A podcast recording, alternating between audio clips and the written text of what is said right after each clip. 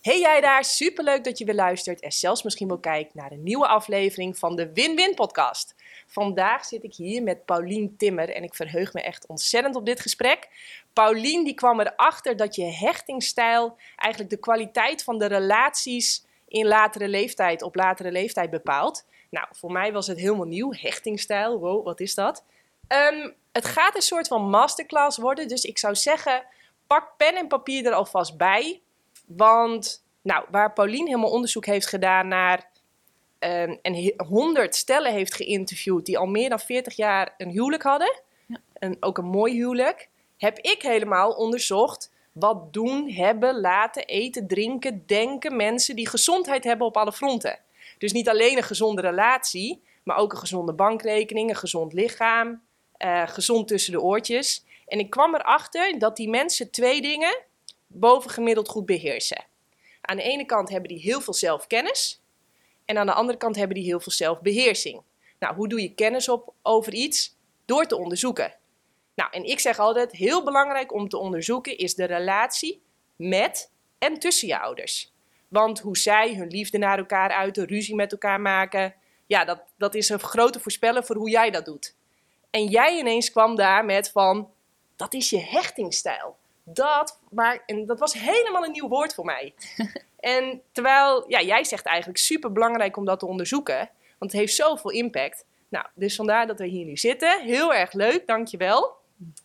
Um, ja, Paulien, kun jij iets meer vertellen over waar jouw passie voor de, de relatie en, en de liefdesrelatie en het huwelijk en zo en, en hechtingstijlen, hoe dat is begonnen? Ja, dat is een wat langer verhaal. Dat mag. en dat begint, en het begint, ja, het begint eigenlijk altijd wel vanuit een persoonlijke zoektocht, dat soort dingen, denk ik. Um, ik, toen ik twintig was, leerde ik uh, een hele leuke jongen kennen. En um, ik was verliefd, maar ook eigenlijk al heel gauw kreeg ik twijfels. En die zaten vooral in: voel ik wel genoeg? Moet ik niet meer voelen? Um, ik was heel erg bezig met mijn gevoel, heel erg bezig met of de relatie wel klopte, of die perfect was. En dat werd gaandeweg echt een beetje een, een obsessie haast om om zeker te weten dat dit hem was en dat ik geen verkeerde keuze zou maken en dat ik twintig jaar later wakker zou worden en ineens zou realiseren dat de liefde op was. Dat vond ik zo'n eng concept dat dat kon. Dat die liefde op kon zijn. En um, ja, dat, dat, was, dat was echt een hele worsteling. Want ik had het gevoel dat ik bezig was met een probleem oplossen.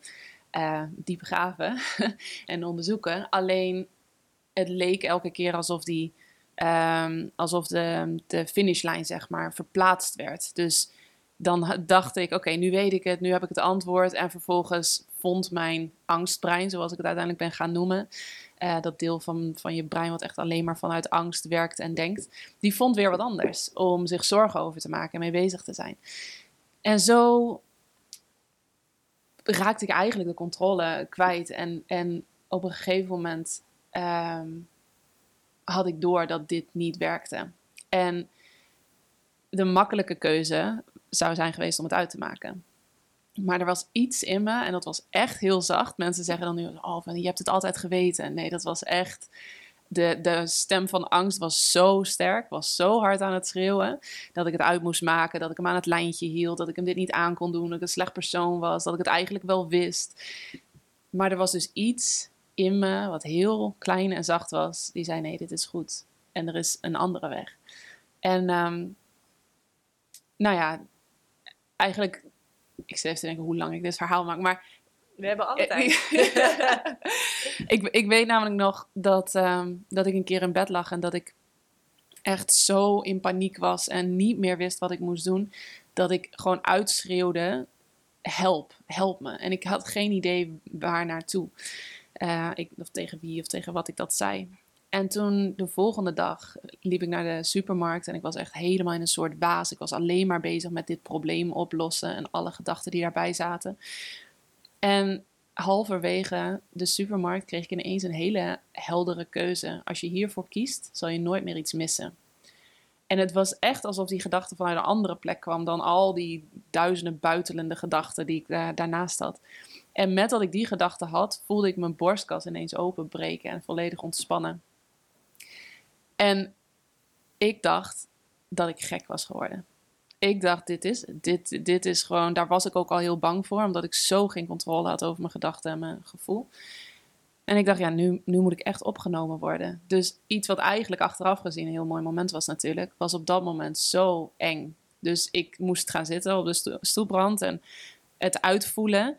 En toen stond ik weer op en wilde ik het eigenlijk gewoon vergeten en gewoon maar doorgaan, want wat was dit? Weet je wel? Ik kon het totaal niet plaatsen in wat voor context dan ook. Ik, ik was niet religieus opgevoed. Ik had ook heel weinig met spiritualiteit. Dat vond ik heel zweverig. Dus het was gewoon iets wat ik totaal niet begreep.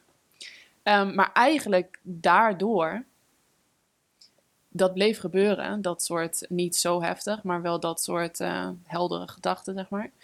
En daar daardoor werd ik benieuwd van, ja, maar wat is dan die andere weg? Die zachte stem, wat is dat? Ik had zo'n hard beeld van de wereld, van de liefde, over mezelf ook, waar ik tot dan toe helemaal niet bewust van was. En toen ben ik dat gaan onderzoeken. En dat inderdaad heeft ertoe geleid dat ik honderd stellen ging interviewen die langer dan 40 jaar gelukkig getrouwd waren. Om te kijken wat, wat hun geheim was en hoe je zo'n keuze maakt voor het leven. Ehm, en dat, was, dat heeft zo ontzettend veel prachtige inzichten gegeven.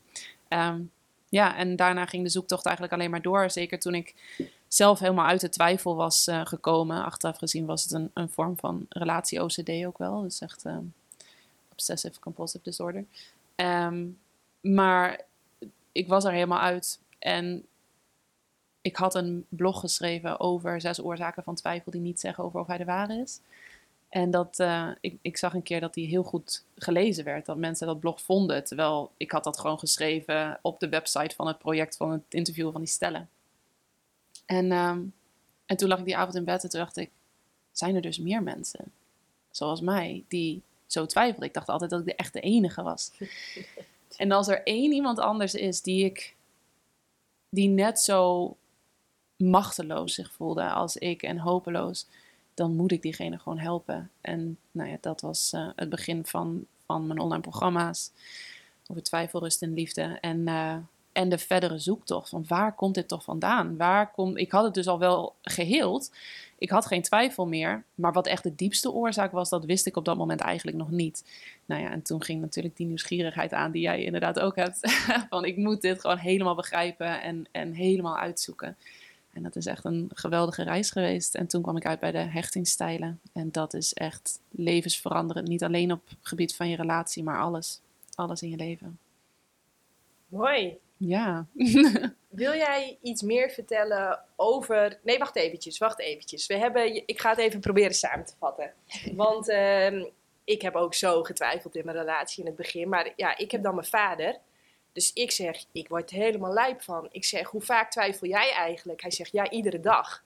En mijn vader is echt koning in normaliseren. Hij zegt, dat is normaal, dat hoort erbij.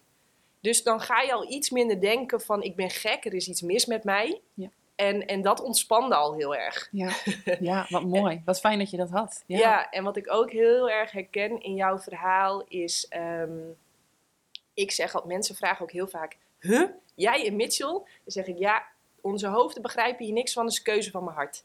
En, en dat voelde ik echt vanaf moment één hadden we dat bij elkaar. Ja. Dat we echt direct helemaal onszelf konden zijn, helemaal ontspannen. En ja, we vonden dat zelf eigenlijk ook een beetje raar. Mhm. Maar ja, het was zo. Dus we zeggen altijd, ja, dit, dit, uh, dat vond ik ook grappig. Dat hoor ik bij jou ook terug. Dat heel zachtjes iets ja. in jou heeft die keuze gemaakt. En met je kop kun je er niet bij. En, en, en en dan toch naar dat angstbrein kunnen kijken in plaats van daarin mee te gaan. Hoe, maar dat, ja, dat is natuurlijk in de hier of the moment super moeilijk. Heel moeilijk, ja. Um, wat ik jou, daar wil ik eventjes mee beginnen. Want ik hoor je, ik heb andere interviews uh, van jou gehoord. En ik zou zeggen tegen de luisteraar, ga dat doen. Uh, want we hebben vandaag een uur, anderhalf uur. En in ieder interview hoorde ik weer echt hele mooie dingen. Dus ga niet alleen deze luisteren, zoek even op Apple Podcast, uh, typ daarin Paulien Timmer en luister dan ook naar de rest. Maar ik hoor jou heel vaak iets zeggen wat je dan vervolgens niet uitlegt. En dat is, we leven ongeveer in een wereld, zo bekijk ik het, waar heel veel nep is. uh, nep nieuws, nep, uh, nep eten, uh, nep lichamen, nep haar, nep, nep, nep, nep. Er is zoveel nep. Nep seks, op, heel veel nep. En dan zeg jij heel vaak van, we hebben ook eigenlijk een vertekend beeld van hoe een gezonde relatie eruit ziet. En um, zou jij iets kunnen vertellen over hoe ziet een gezonde relatie er dan uit? En waarom hebben wij zo'n vertekend beeld van hoe een relatie zou moeten voelen of eruit zien, ziet? Dit is zo'n goede vraag. en eentje waar ik soms echt inderdaad op uh, complete rants over kan gaan. Want um, nou ja, er zijn natuurlijk een heleboel verschillende factoren die daar invloed op hebben. De relatie van je ouders is een heel belangrijk voorbeeld. Maar wat ook echt invloed heeft, zijn films en series. En hoe daar relaties worden getoond. En ik weet nog zo goed dat ik dat iemand zei van ja, maar je weet toch dat films niet echt zijn. En dat ik dacht, oh ja, ja, dat weet ik wel. Maar het onderzoek komt dat we denken dat we dat weten, maar dat we er echt wel door worden beïnvloed. En dat degenen die van romantische films houden, ehm, twee keer meer kans hebben om ongelukkig te zijn in hun relatie en een veel slechtere ervaring hebben van een relatie die objectief misschien hetzelfde is als iemand die totaal nooit romantische films kijkt. Dus hoe ons beeld is van relaties en hoe het zou moeten zijn, mhm. Heeft enorme invloed op hoe wij de relatie ervaren. Dus je kunt in dezelfde relatie totaal verschillende ervaringen hebben. Dat vind ik zo boeiend eraan. Ja, oké. dus dat laat eigenlijk zien dat door als je veel films kijkt, dan heb je gewoon een compleet foute verwachting eigenlijk van wat het is. Ja. En mag ik dan zeggen, want wij hebben, dat heb jij natuurlijk ook, ik hoorde je al praten over je vriendinnengroep in Groningen.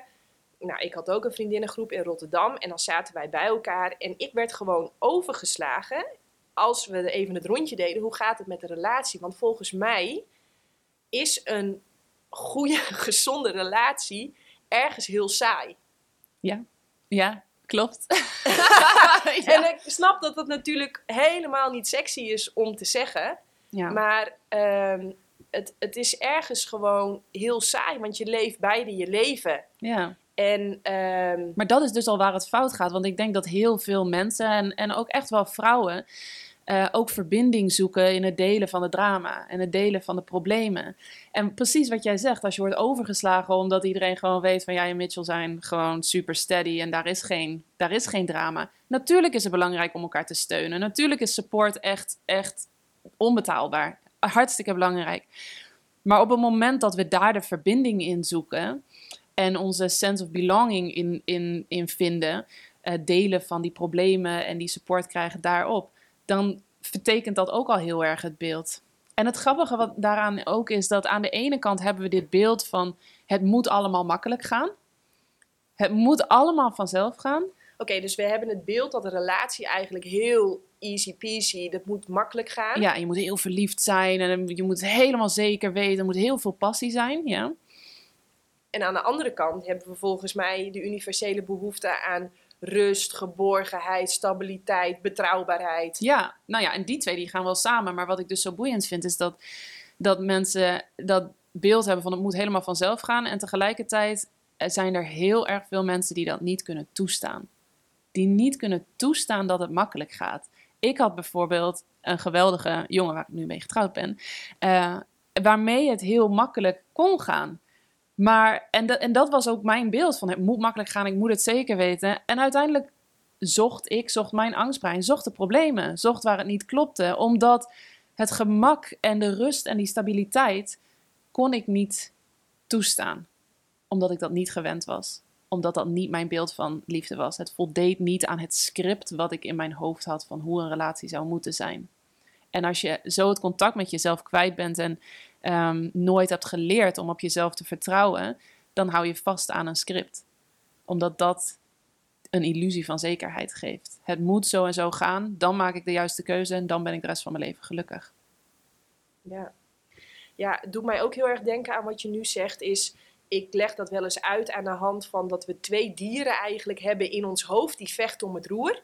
De kolibrie en de olifant. Hmm. En die kolibrie die weet wel, die is super intelligent, wendbaar hè, als een kolibrie is, creatief. eh, die, die snapt eigenlijk wel hoe het moet en hoe het zou horen. Maar als jouw olifant geprogrammeerd is, omdat hij bijvoorbeeld altijd heeft gezien dat je moet bekvechten in een relatie of dat je ruzies moet afwisselen met hele mooie momenten van romantiek. Als dat, als je olifant zo is geprogrammeerd, dan gaat in de here of the moment, ja, pak toch die olifant weer het roer. Want het blijkt dat als wij op een splitsing aflopen, 100 keer, dan gaan wij eigenlijk maar vijf keer de kant op waarvan de kolibrie denkt dat het het beste is, maar 95 keer de kant op zoals de olifant is geprogrammeerd. Dus ja, komen we dan eigenlijk al bij de hechtingstijl? ja, je noemt al hele specifieke dingen die wij zelf hechtingstijlen. Ja, die uh, afwisseling van romantische momenten en uh, drama is uh, heel kenmerkend voor één specifieke hechtingstijl. Ja, mooi. Ik ga die toch parkeren. Is goed, want, daarom ging ik niet verder. Nee, heel goed, heel goed. Um, we gaan straks ongetwijfeld uitgebreid in op de vier hechtingstijlen die er zijn. Um, maar voordat ik daarmee wil beginnen, um, hoor ik jou ook heel vaak in andere podcasts en ga die luisteren. Maar daarom wil ik het nu net eventjes anders doen. Hè? Mijn egootje wil net even weer een unieke podcast neerzetten. maar we hebben het heel vaak, uh, dan hoor ik jou praten over liefdesrelaties. Dus de relatie met de ander. Ik zou hem ook heel graag willen vertalen naar de relaties die je ook hebt met je collega's en uh, je broers, je zussen. Maar volgens mij begint het allemaal met de relatie met jezelf. Het begint met de relatie met je ouders. Het begint met de relatie met je ouders. Mooi, ik word al direct overruled. nou, ga los. nou ja, de, de relatie met jezelf ontwikkelt door de relatie met je ouders.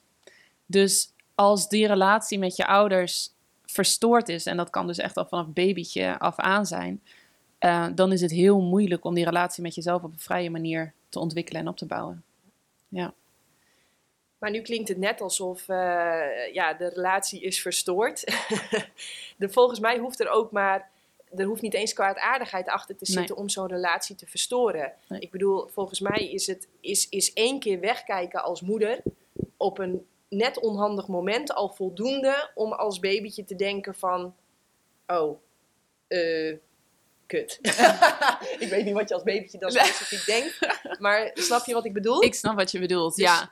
En dat is, dat, dat, dat kan zo zijn, maar um, dat is natuurlijk ook wel een soort van uh, valkuil voor perfectionisme. En dat is niet nodig. Precies. Niet nodig Precies. als ouder zijnde. Waar ik ook echt wel mee geworsteld heb hoor. Ik heb een dochtertje van drie, hebben we het al net over gehad. Maar um, het is niet zo dat je het als ouder perfect moet doen. Wat wel zo is, is dat bepaalde opvoedstijlen tot bepaalde hechtingstijlen leiden. En als je weet wat je moet doen um, en wat belangrijk is voor een kind, dan kun je ook echt wel eens het fout doen. Zelfs boos worden. Gewoon echt even je shit verliezen. We zijn allemaal mens. Dat is oké. Uh, maar er zijn versterkende dingen die je ook kunt doen. Er zijn manieren om dat te repareren. Maar wat inderdaad, ik ben blij dat je zegt van het is, het is niet uit kwade wil. Het is niet van nou nu moeten we allemaal onze ouders het enorm kwalijk gaan nemen. Ik geloof nog steeds dat ouders echt hun best doen. Ze doen het beste wat ze kunnen in elk moment. En soms is dat gewoon niet zoveel of is dat heel schadelijk voor het kind. Maar het zijn dus bepaalde overtuigingen bij de ouders die ervoor kunnen, en ook de pijn van de ouders, die ervoor kunnen zorgen dat je inderdaad een onveilige hechting Dus dat die relatie niet op een, op een vrije, veilige manier ontwikkelt. Ja, maar nog even terug naar de, naar de zelfliefde. Mm Want ik denk dat iedere ouder, ieder mens ik denk dat het als muziek in de oren klinkt om veel zelfliefde te hebben. Hoe, hoe, hoe, laten we even beginnen vanuit het perspectief van de ouder. Hoe zorg je er dan voor dat, dat je kind veel zelfliefde ontwikkelt? Oh, dat is een hele goede vraag. Ik, ik kan me voorstellen dat we beide de boeken van Alfie Kohn hebben gelezen. Nee? Nee? Nee, niet eens. Oké, nou. Ik ben heel benieuwd. Ik ga het straks opzoeken. Ja. Um, nee. Hoe je de zelfliefde ontwikkelt voor een kind. Ja, baby's en kleine kindjes hebben heel veel zelfliefde. Dus die hoeven dat niet te ontwikkelen.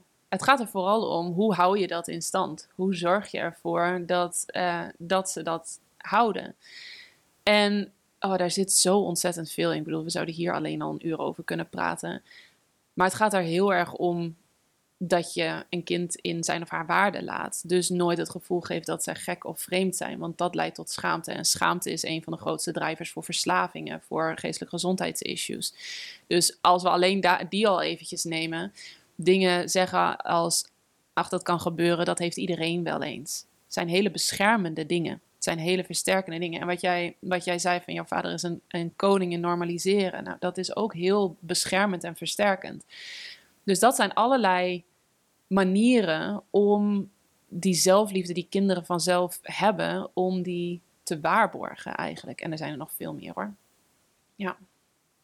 Ja, en dan kunnen we misschien direct even de brug slaan naar hoe je het kapot maakt. Maar volgens mij, en je hoort het echt non-stop. Ik hoor het zelfs in de boeken van Jip en Janneke terug. Misschien is het ik ook. Oh mijn hemel, ja. Oh mijn oh. hemel.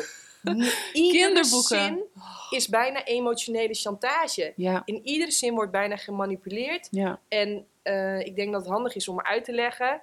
Dat doe je eigenlijk door te zeggen van uh, niet wat doe jij uh, nu even onhandig, maar jeetje, wat ben jij onhandig. Mm -hmm. En dat voor een jongetje, ja. jeetje, wat ben jij een sukkel of een mietje. Of dat is echt nou, dan, dan, dan ben je het wel aan een het Een lelijke jongen, zegt Annie M. G. Schmid vaak in die, in die boeken van Jip en Janneke. Ik, ik weet inderdaad nog zo goed, grappig dat je Jip en Janneke noemt, want dat is zo'n stapel, weet je. iedereen denkt, oh, Jip en Janneke is echt een Nederlands, uh, hoe noem je het, gedachtegoed.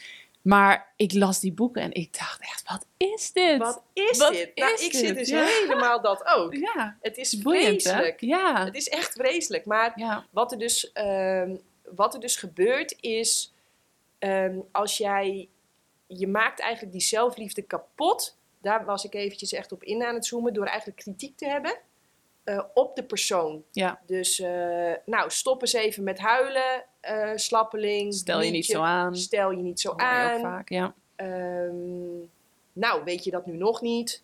Kun je dat nu nog niet? Moet je nou nog steeds een luier aan? Uh, moet ik ja. nog even doorgaan? Nee, nee, ik, uh, het is voor mij helemaal duidelijk. Maar wat daarachter zit is de overtuiging dat gedrag alleen veranderd kan worden als iemand zich slecht voelt over zichzelf. En wat je creëert is gewoon een heel slecht zelfbeeld en een kindje wat in de war is en bang is um, voor boze ouders, maar ook bang is om anderen pijn te doen en daarmee de rest van zijn leven anderen op afstand zal houden. Ja, ja en wat nog eentje is, denk ik dat. Uh voor de bij. Zelfliefde volgens mij, als je dat wil behouden en niet kapot maken, dan ga je je liefde onvoorwaardelijk geven. Dus je koppelt het eigenlijk los van gedrag. Dus ook als hè, gisteren ook, uh, Duitse was een tikkeltje moe, die ging te laat op bed. En dan gaat ze keihard gillen. Gaat ze echt aan tafel zitten en dan ineens alsof ze even haar frustratie kwijt moet van ik kan me niet meer staande houden, ik moet gewoon op bed. Dus die ging keihard gillen. En nou ja, ik zou dan kunnen zeggen van... Jezus, kap even met schreeuwen, want mijn trommelvliezen zijn, gaan nu kapot. Maar ik zag gewoon, ze moet naar bed. En uh, dan zeg ik, uh, lieve schat, ook al schreeuw je heel hard, we houden nog steeds van je. En uh, ik ga je nu lekker naar bed brengen. En volgens mij is het verschil, als je zelfliefde zeg maar een beetje beschadigt, dan ga je je liefde voorwaardelijk maken. Dus dan zeg je, als jij stil zit, niet schreeuwt, op tijd komt, je aan je afspraken houdt, wat kleine kinderen eigenlijk nog helemaal niet kunnen, dan ben je mijn liefde waard. Dus dan mag je bij me zijn, dan krijg je kusjes, knuffels, aandacht. Maar als jij je niet gedraagt zoals ik graag wil, dan krijg je of een time-out, een tik op je vingers, ik schreeuw naar je of ik negeer je heel erg. Mm -hmm. um, en trouwens, uh, huilen, uh, schreeuwen, al die emoties, alsjeblieft even mee kappen.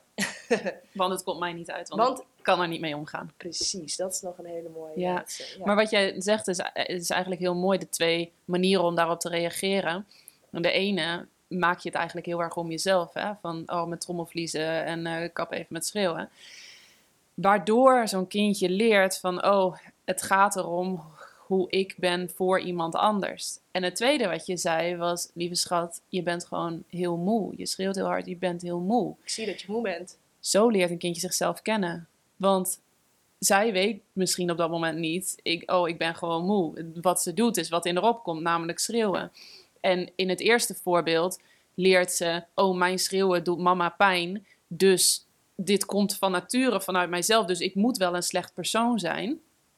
En het tweede is, oh wacht, misschien ben ik gewoon moe. En hoe vaker ze dat hoort, hoe meer ze dat leert, hoe meer ze zal kunnen leren luisteren naar de, symptomen of de signalen van haar eigen lichaam.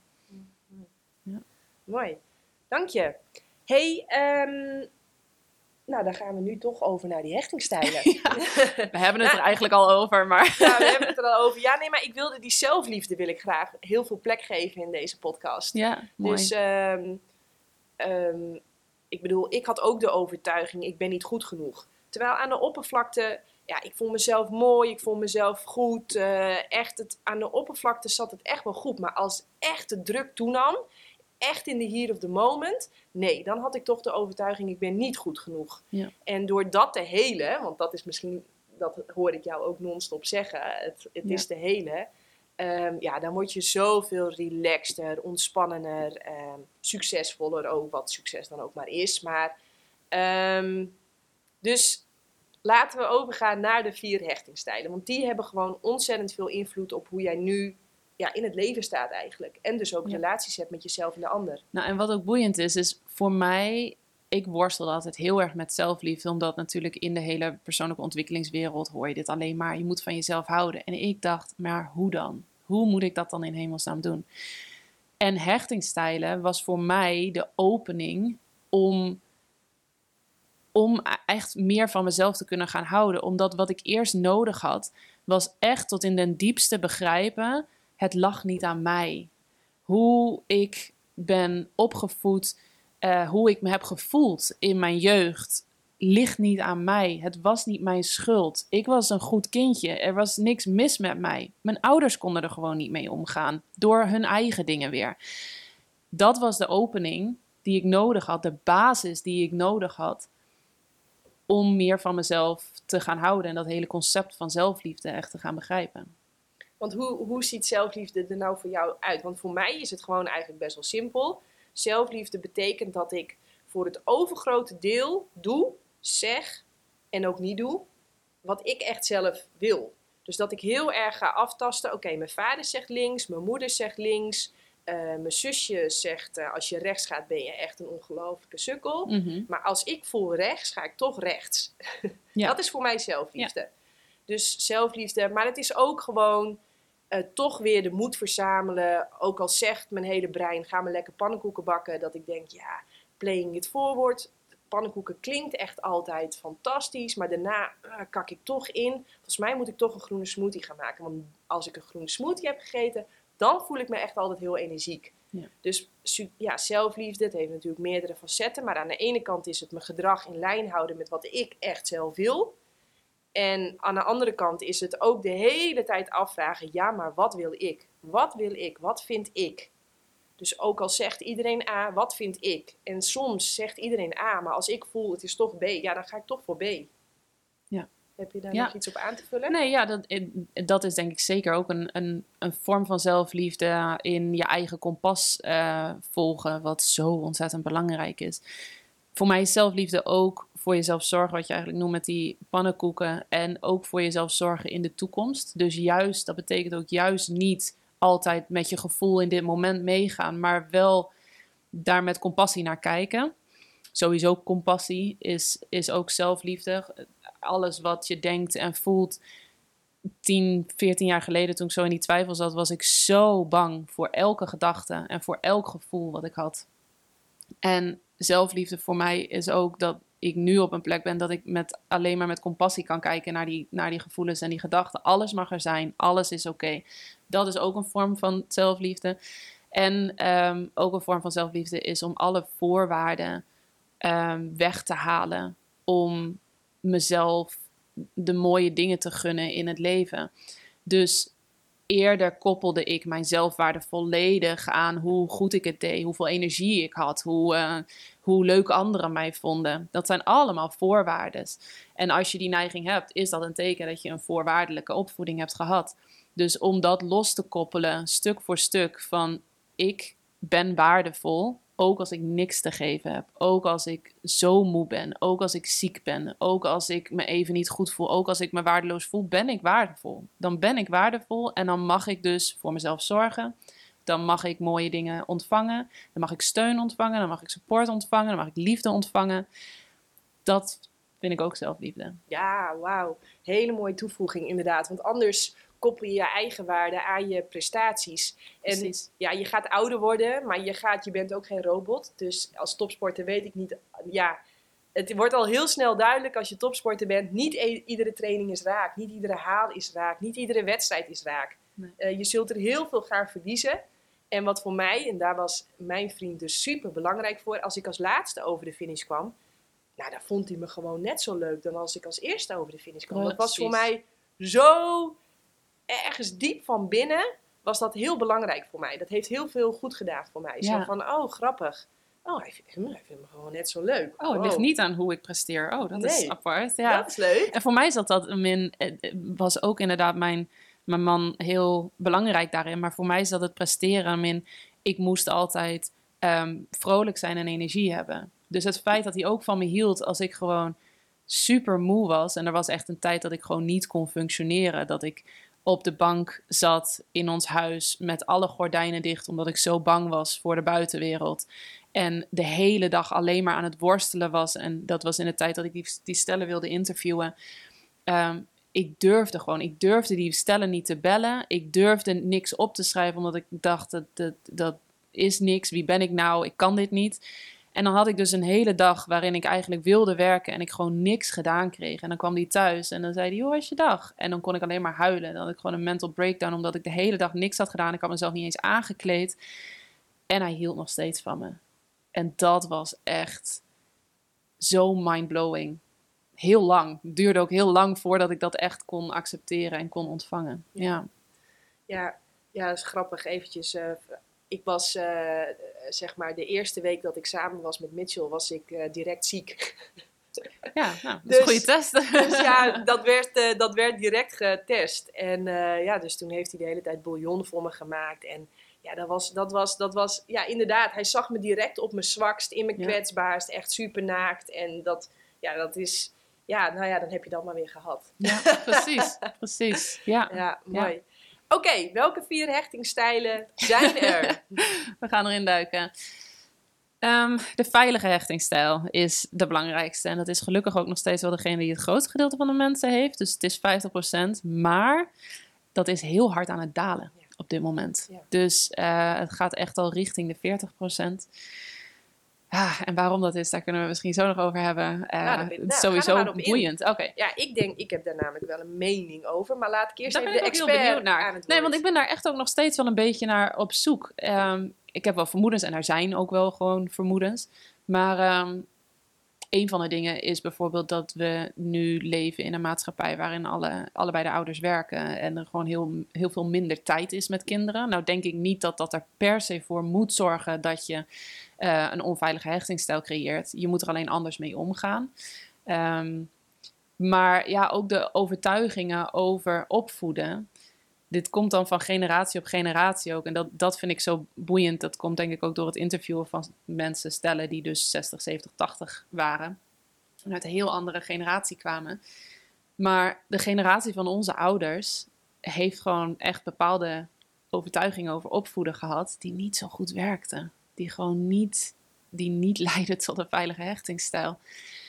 Dus nou ja, zijn... Laten we maar een paar opnoemen direct. Ik wil, ik wil echt altijd direct hè, een paar dingen. Ja, Een paar dingen. Ja. Nee, dan gaan we ze echt concreet. benoemen. Volgens mij is eh, iets heel belangrijks dat we kleine kinderen, ik zie dat non-stop, we, we hebben ze te hoog. Mm. Dus we denken dat ze al zich aan afspraken kunnen houden. We denken dat ze al stil kunnen We zitten. verwachten te veel. We verwachten echt veel te veel van ze. Terwijl, ja, onze dochter, ze kan van alles. Maar uiteindelijk, ze scheidt gewoon nog in de broek. En ze kan eigenlijk helemaal niks, weet Ja. je. Ze schreeuwt, eh, ze kan niet stilzitten. Wat allemaal gewoon super normaal is. Maar als je dat wel van haar gaat verwachten... Ja. En dus vervolgens ook boos gaat worden. Want ja, je zit niet stil, je eet niet netjes, je scheidt nog in je broek. En Ja. Ehm, ja, je, dat soort dingen. Dat is één volgens mij. Dus we verwachten te veel.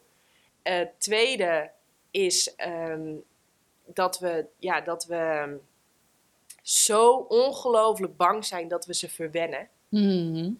Dus, om, dus we laten ze huilen, we, laten ze, we, zetten ze, eh, we geven ze time-outs. Eh, als ze schreeuwen of boos zijn of zich eigenlijk zelf niet kunnen reguleren, ja, worden wij ook nog eens een keer boos op ze. Want ja, ze gedragen ze zi- zich niet. Ja. Dus ehm, nou, dat zijn onder andere twee. Ik heb nog wel wat eh, ideeën, maar Ja, nee, maar dat is inderdaad echt wel een, een hele goede, dat gedragen. En het, het is geen teken van goed ouderschap als je een kind hebt dat zich gedraagt. Het is een teken van goed ouderschap als jij jezelf kunt reguleren onafhankelijk van hoe je kind is. Dus als jij rustig kunt blijven en kalm kunt blijven, hoe je kind ook maar is. En ik denk dat dat een van de grootste verwarringen is. Van ons kind moet op een bepaalde manier zijn, zodat wij de bevestiging krijgen dat we goed genoeg zijn. Omdat wij die wond hebben van niet goed genoeg zijn. Dat is niet de verantwoordelijkheid van je kind. Dat is niet waar je kind voor is om dat te doen. Dus dat hele verwennen, dat was inderdaad voor mijn vader ook een van de belangrijkste dingen. En voor de duidelijkheid, dit komt vanuit een, goed, Ja. een goede Ja. intentie. ja, want herhaal dat maar vaak genoeg. ja, want Het is- het- dat is echt belangrijk om te begrijpen. Want mede daardoor dacht ik dus ook van ja, maar ik kan niet onveilig gehecht zijn. Want mijn ouders hebben echt altijd het beste met me voorgehad. En die hebben zoveel energie gestoken in mij en om me te helpen om me voor te bereiden op deze wereld. En dat is de intentie die daarachter zit.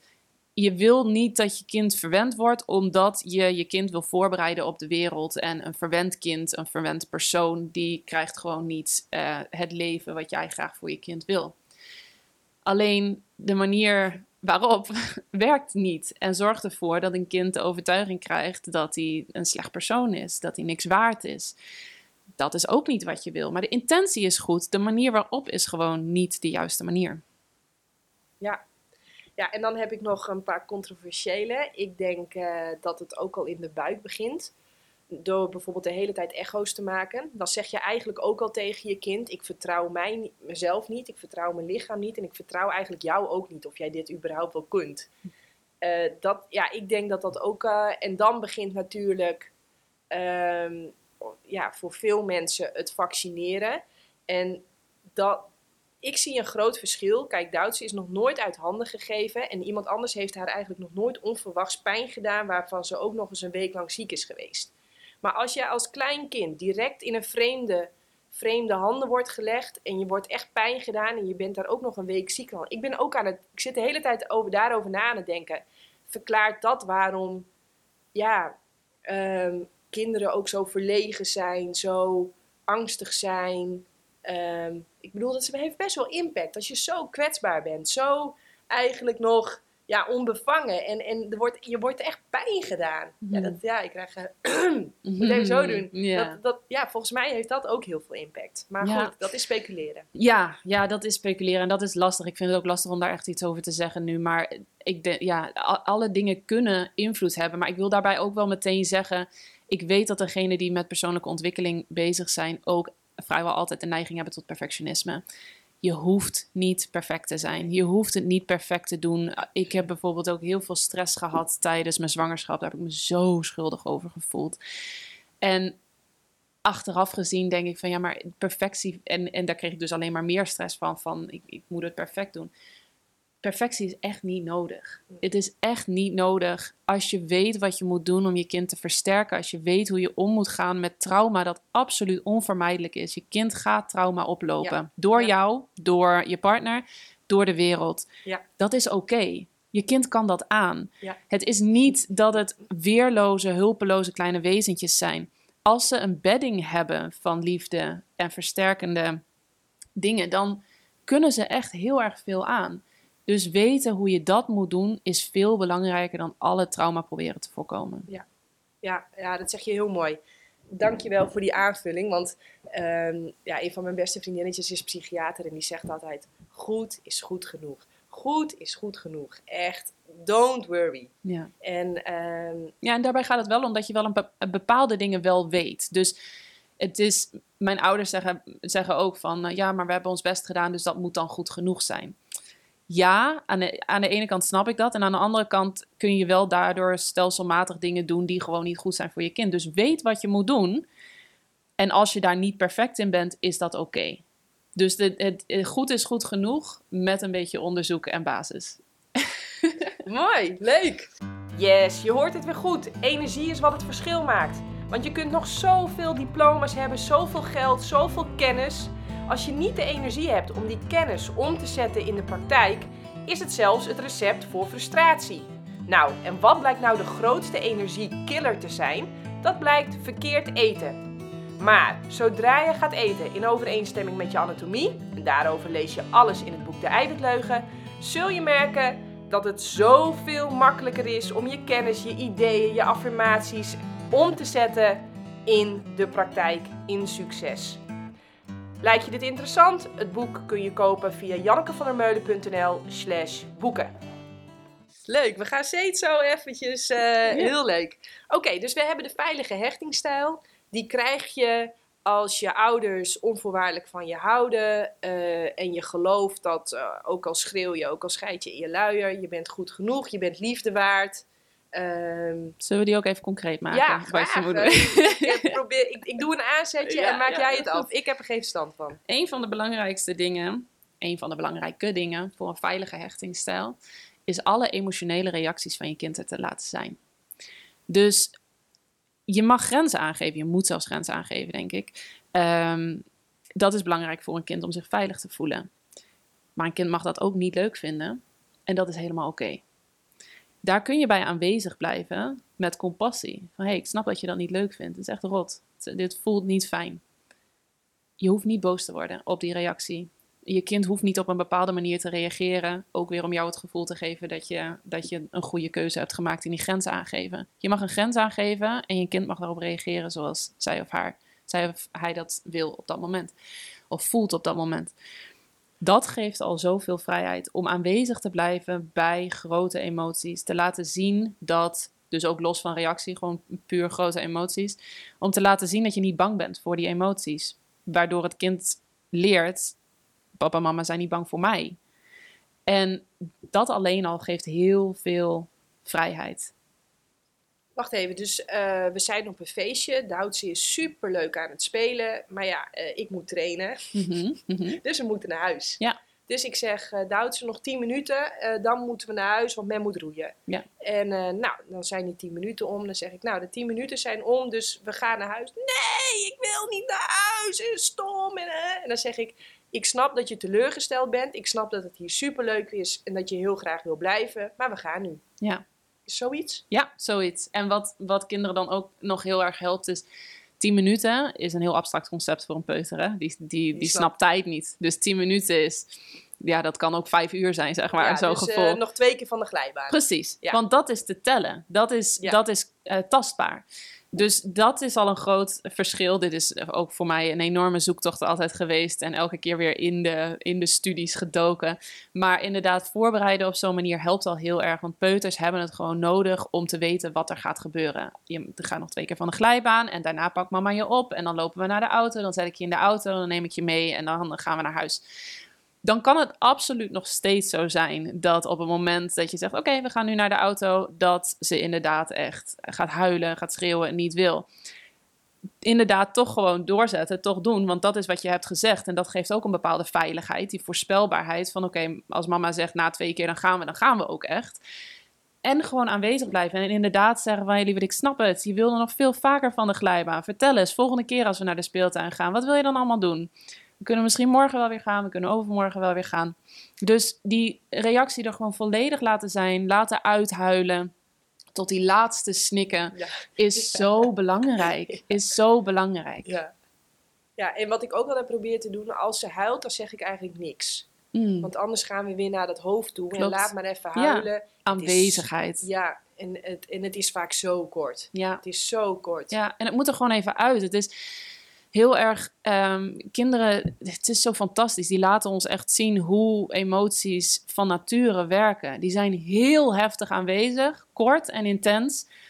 En na 90 seconden zijn alle emoties uit je lichaam als je ze niet onderdrukt. Maar wij als volwassenen hebben ons hele leven geleerd om die te onderdrukken.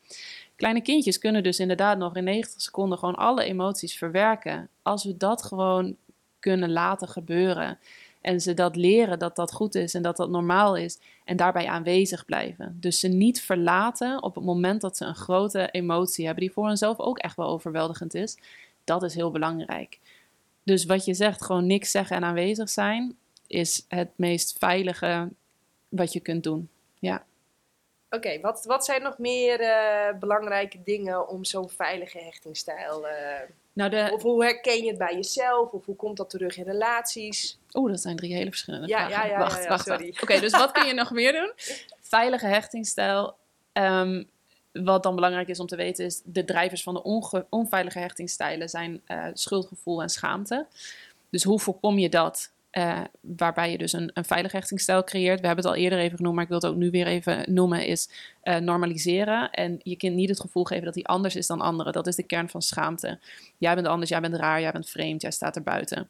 Dus wat je je kind altijd wil laten weten is, iedereen heeft dit. Het is helemaal oké, dit is heel normaal. Je, dit, andere kindjes hebben dit ook. Dus bijvoorbeeld slaan, schoppen, bijten is natuurlijk niet de bedoeling. Geef een grens aan en oh, zeg ook meteen, ehm, al- alle kindjes hebben dit. Alle kindjes moeten dit leren. En je doet het heel goed. Dit moeten we gewoon leren. We hebben papa en mama ook moeten leren.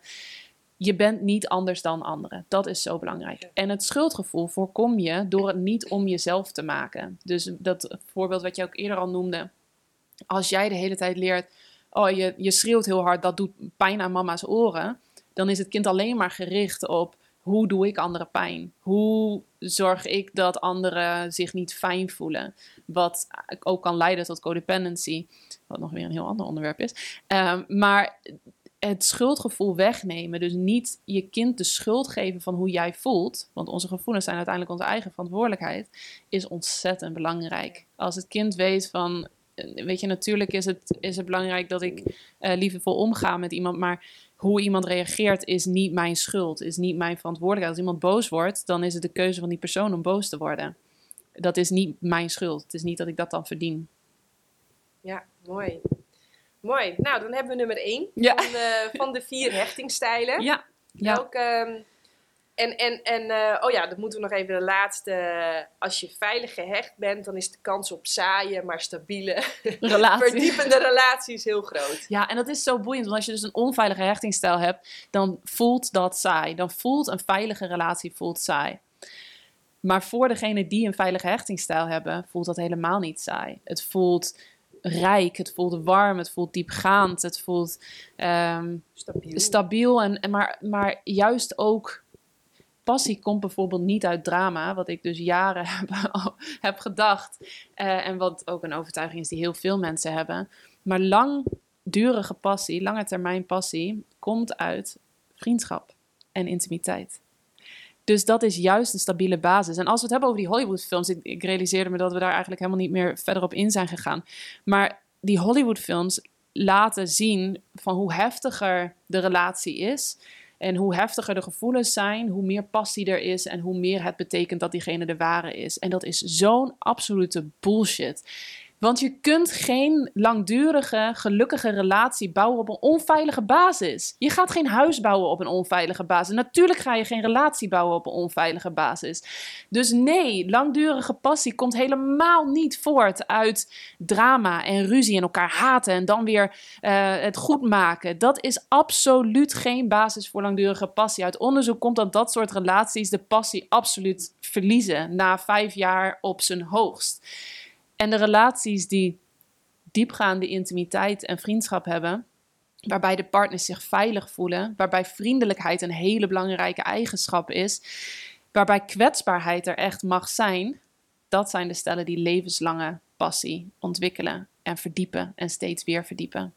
Die passie en die spanning waar je op, naar op zoek bent, zit hem niet in de drama. Die zit hem in steeds kwetsbaarder zijn, steeds meer jezelf openen. Daar zit, dat is ook heel spannend. En dat durven we niet. En dus kiezen we voor die toxische relaties met heel veel passie, tussen aanhalingstekens, en drama. Mooi. Ja, Dat is eruit. ja inderdaad. Ja, nee, echt ook Maar die we Hollywoodfilms. We kwamen, Ja. ik, eh, we kwamen bij die vier hechtingstijlen. We hebben dus eh, veilig gehecht. En waar ik dus van zei, eh, dat lijkt voor andere hechtingstijlen heel saai. En ja, Ah. geen drama, dus er gebeurt niks. Ja, maar die mensen zijn Eh, heel gelukkig. Meestal.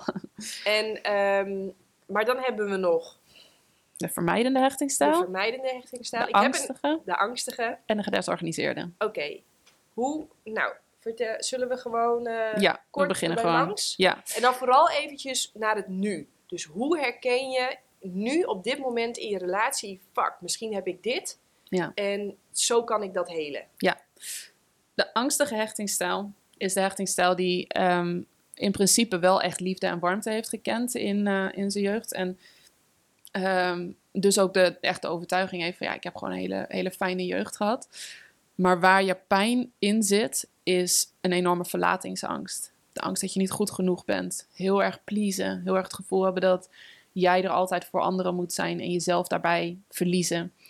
Ehm, dus daar is, is de, wat, je, wat je moet helen, wat je moet loslaten, is dus inderdaad het loskoppelen van jouw waarde, van wat anderen denken, van hoe jij bent of wat jij doet. Dat je ook waardevol bent als je niks doet, als je niks te geven hebt. Dus degene met een angstige hechtingsstijl, die geven vaak ver voorbij hun eigen grenzen, geven hun eigen grenzen ook absoluut niet aan. En ontwikkelen daardoor vaak wrok, juist doordat ze niet hun eigen grenzen aangeven. Ehm, en hebben het gevoel dat anderen voor ze moeten zorgen. In de zin van nee, maar nu hoef je dat niet meer te doen. eh, ga jij maar eventjes zitten. Eh, eh, Ze, ze wachten haast totdat iemand dat zegt tegen ze. In plaats van dat ze zelf die grenzen aangeven van hé hey, luister, ik moet even zitten, want ik ben moe. Voor iemand met een angstige hechtingsstijl voelt grenzen aangeven kil en egoïstisch. Dat doe je niet, dat is gemeen, dat, is, dat kun je niet maken naar de andere persoon. En alles wat ik net omschreef ehm, zijn tekenen van, van codependency, codependent denken. Namelijk, Wat ik, betekent dat even in het Nederlands? ik ben, ja, dit is, de letterlijke vertaling is denk ik eh, afhankelijkheid of, of ehm, een soort van afhankelijkheid. En je bent dan afhankelijk van dat de reactie van de ander eh, bepaalt of wat je hebt gedaan goed is of niet. Eh, wat de ander van je denkt heel belangrijk is voor jouw overleving eigenlijk, voor jouw eh, gevoel. Dus dit, dit krijg je als je inderdaad als kind verantwoordelijk bent gehouden voor de emoties van je ouders. Dat is een oorzaak van deze hechtingsstijl. Dus je hebt het gevoel dat iedereen moet gelukkig zijn om je heen. Iedereen moet oké zijn. En dat is jouw taak, dat is jouw verantwoordelijkheid. Dat is super vermoeiend. Daar kan je alleen al echt een burn-out van krijgen. Dus eh, je mag grenzen aangeven. en je mag eh, ook behoefte hebben. Want heel vaak degene met een angstige hechtingsstijl eh, durven hun eigen behoeften niet eens te voelen, laat staan ze te uiten. De vermijdende Ja. De volgende. Ehm, dat is eigenlijk het tegenovergestelde van de, van de angstige hechtingsstijl. Een van de grootste oorzaken hiervan is, is ehm, weinig liefde of warmte, of geen liefde of warmte vroeger echt mee hebben gekregen. Geen onvoorwaardelijkheid. En je ziet dit heel vaak in eh, gezinnen waar de ratio heel erg de boventoon voerde. En academische of sportprestaties heel belangrijk waren. Ehm, daardoor gaat het kind eigenlijk de prestatie verwarren met liefde. Ehm, dus wat je daarin ziet, hoe je het her kunt herkennen bij jezelf, is echt moeite om met emoties om te gaan. Moeite om emoties überhaupt te voelen. Mensen die een vermijdende hechtingsstijl hebben, kunnen zich heel kil voelen. Heel, ehm, ehm, ja, alsof ze, alsof ze een robot zijn. Alsof ze gewoon geen gevoel hebben. En echt het gevoel hebben van, nou ja, ik, ik, er is echt iets mis met mij, zeg maar. Ze zijn heel bang om te falen vaak. En dat kan uiten in dat je je best doet. Of dat je alleen de dingen doet waar je goed in bent. Maar het kan ook uiten in dat je juist helemaal niks doet. Dus dat je echt alleen maar alles aan het uitstellen bent. En je terugtrekt onder een deken. En eh, nou, gewoon je bed niet uitkomt bij wijze van. Je gaat eigenlijk alles uit de weg. De vermijdende hechtingsstijl. Zo ook met relaties. Je eh, commitment voelt heel benauwend voor je. Ehm, je bent bang om te falen, ook daarin. En dat is wat heel vaak niet wordt begrepen bij de vermijdende hechtingsstijl. Die, de, degene met een vermijdende hechtingsstijl eh, voelen zich vaak dus kil en egoïstisch, maar, maar worden soms ook zo gezien van ze geven niets om wie dan ook of wat dan ook. En dat is absoluut niet waar. Ze zijn alleen zo bang om te falen. Ze zijn zo bang om je juist pijn te doen. Dat ze denken van nou, maar dan kan ik er maar beter niet aan beginnen. Want ik ga het sowieso verpesten. Ik ga het sowieso fout doen. Dus dan kan ik maar beter gewoon je dat besparen, zeg maar. En daarom trekken ze zich terug. En daarom denken ze, als ik maar niks zeg, dan wordt het niet erger. Als ik me terugtrek, dan kan ik anderen geen pijn doen. Dat is de reden waarom ze, waarom ze zich terugtrekken. voor het grootste gedeelte. Dus dat is de vermijdende um, hechtingsstijl. En de vermijdende hechtingsstijl heb ik zo in een andere podcast van jou gehoord. En dat vond ik zo herkenbaar. Dat zie ik tenminste om me heen. Um, dat die vinden die datefase heel fijn. Ja, als er nog geen commitment is. Precies. Precies, ja. ja. Nou, sommigen vinden dat zelfs al te heftig hoor, dat er mogelijkheid voor commitment is. Maar ehm, ja, de datefase is vaak voor degene met de vermijdende hechtingsstijl nog prima. Ja, dan, dan zijn ze nog vrij, ze hebben nog alle keuzes en nog, hebben nog alle opties. En commitment vinden ze gewoon heel eng. Ja. Want ik, ik heb het idee dat dat op dit moment in de swap en swipe en snel en dat dat, dat, nou ja, of ik wil het zien of zo, maar ik heb het idee dat commitment ergens echt helemaal voor gaan. Uh, weet je, ik roei nu bijna 20 jaar. Nou ja, dat is voor die mensen gewoon niet, weet je, iedere dag hetzelfde en maar weer en maar weer. Of heel lang dezelfde relatie, of altijd op dezelfde plekje boodschappen doen. Het, kan ook autisme zijn. nee, maar um, is, kun je het daaraan herkennen? Zeg maar, wat, hoe, hoe kun je het echt bij jezelf herkennen? Um, nou, ik denk dat je het vooral kunt herkennen als je merkt dat je in de... Um, in relaties, dat zodra het gaat over commitment, dat je echt een wegtrekkend gevoel krijgt. Dus dat je denkt van nee, oh, ik moet mijn vrijheid behouden, ik moet mijn vrijheid behouden. Dat is, dat is echt de belangrijkste teken van een vermijdende hechtingsstijl. Ja. Ja. En wat is je primaire overtuiging bij een vermijdende hechtingsstijl? Um, nou ja, slecht persoon zijn zit, zit er ook wel vaak onder. Uh, maar dat falen is, is misschien wel de belangrijkste. Ja, er zijn, het is altijd meer een soort uh, pakketje aan, uh, aan overtuigingen natuurlijk. Ja, maar dus ja, ik denk ik dat falen. Genoeg, ja, ik ben niet goed genoeg en het falen, ik mag niet falen. Dat, ja. dat is echt wel een belangrijke, ja. ja. Nou, en dan hebben we de laatste. Dat is jouw, nou ja, laten we het je je expertise. Ik wilde meer je, ge, je, je ervarings... Uh, ja. Je bent ervaringshebbende, zeg maar. Ervaringsdeskundige, ja, ja, precies. Ja, de gedesorganiseerde hechtingsstijl, ja. Het is de, de nieuwste hechtingsstijl in de zin van het is degene die het laatste werd uh, ontdekt omdat hij heel verwarrend is. Dus waar ze in de jaren 50 al, al begonnen met uh, hechtingsstijlen onderzoeken, werd deze hechtingsstijl vaak verkeerd gelabeld als veilig, terwijl het de meest onveilige hechtingsstijl is omdat de kinderen die deze hechtingsstijl hebben, um, zulk onvoorspelbaar gedrag laten zien dat het niet binnen de angstige of de vermijdende valt. Maar het is eigenlijk, ze flipfloppen heel erg tussen angstig en vermijdend. En het heeft ook nog een heleboel eigen kenmerken. Maar de, de basis, de kern van de gedesorganiseerde hechtingsstijl is dat je heel graag verbinding wil. Waar de vermijdende hechtingsstijl dat dus eigenlijk niet eens per se wil. Die heeft daar niet eens heel erg behoefte aan. Um, Vlakken gezien. Wat hè? Oppervlakkig. Ja, precies. Oppervlakkig gezien, ja. Um, maar de gedesorganiseerde hechtingsstijl wil wel heel graag verbinding, maar is er doodsbang voor tegelijkertijd. Dus wat je dan krijgt, is mensen die wel in een relatie willen zitten, ook kunnen zitten, maar er nooit helemaal voor gaan. Dus de commitment is niet zozeer het probleem. Ze kunnen best in een relatie zitten, maar ze, ze blijven een beetje in een grijs gebied. En dat kan op allerlei manieren. En bij mij was dat bijvoorbeeld dus de twijfel. Ik zat wel in een relatie, ik was committed. Maar ik was zo aan het twijfelen over of dit wel de juiste keuze was. Dat ik in mijn hoofd eigenlijk al één stap buiten de relatie had. Het gewoon heel eng vond om me helemaal te geven aan de relatie. Dus, dus twijfel kan daarin ook een soort beschermingsmechanisme zijn. Om je niet helemaal te geven. Omdat je ervan overtuigd bent dat het dan fout gaat. En andere kenmerken zijn dat je heel erg op zoek bent naar spanning. Je wil spanning in de relatie. Um, je hebt patronen van. Uh, van push en pull, van highs en lows, dus echt uh, grote hoogte, diepe dalen. Het is een heel emotioneel, um, noem je dat, in, intense um, hechtingsstijl. Je hebt heel emotioneel intense relaties. Je kan het gevoel hebben dat je uh, relaties gewoon echt niet, niet snapt, niet begrijpt. Uh, en je kan juist heel erg een beeld hebben van hoe het zou moeten zijn, wat dan vaak ingegeven is door films en uh, heel erg gericht is op passie. Dus deze hechtingsstijl richt zich heel erg op gevoel. Voel ik wel genoeg? Moet ik niet meer voelen? Toxische relaties, waarbij je dus heel veel voelt, maar de relatie eigenlijk niet gezond is.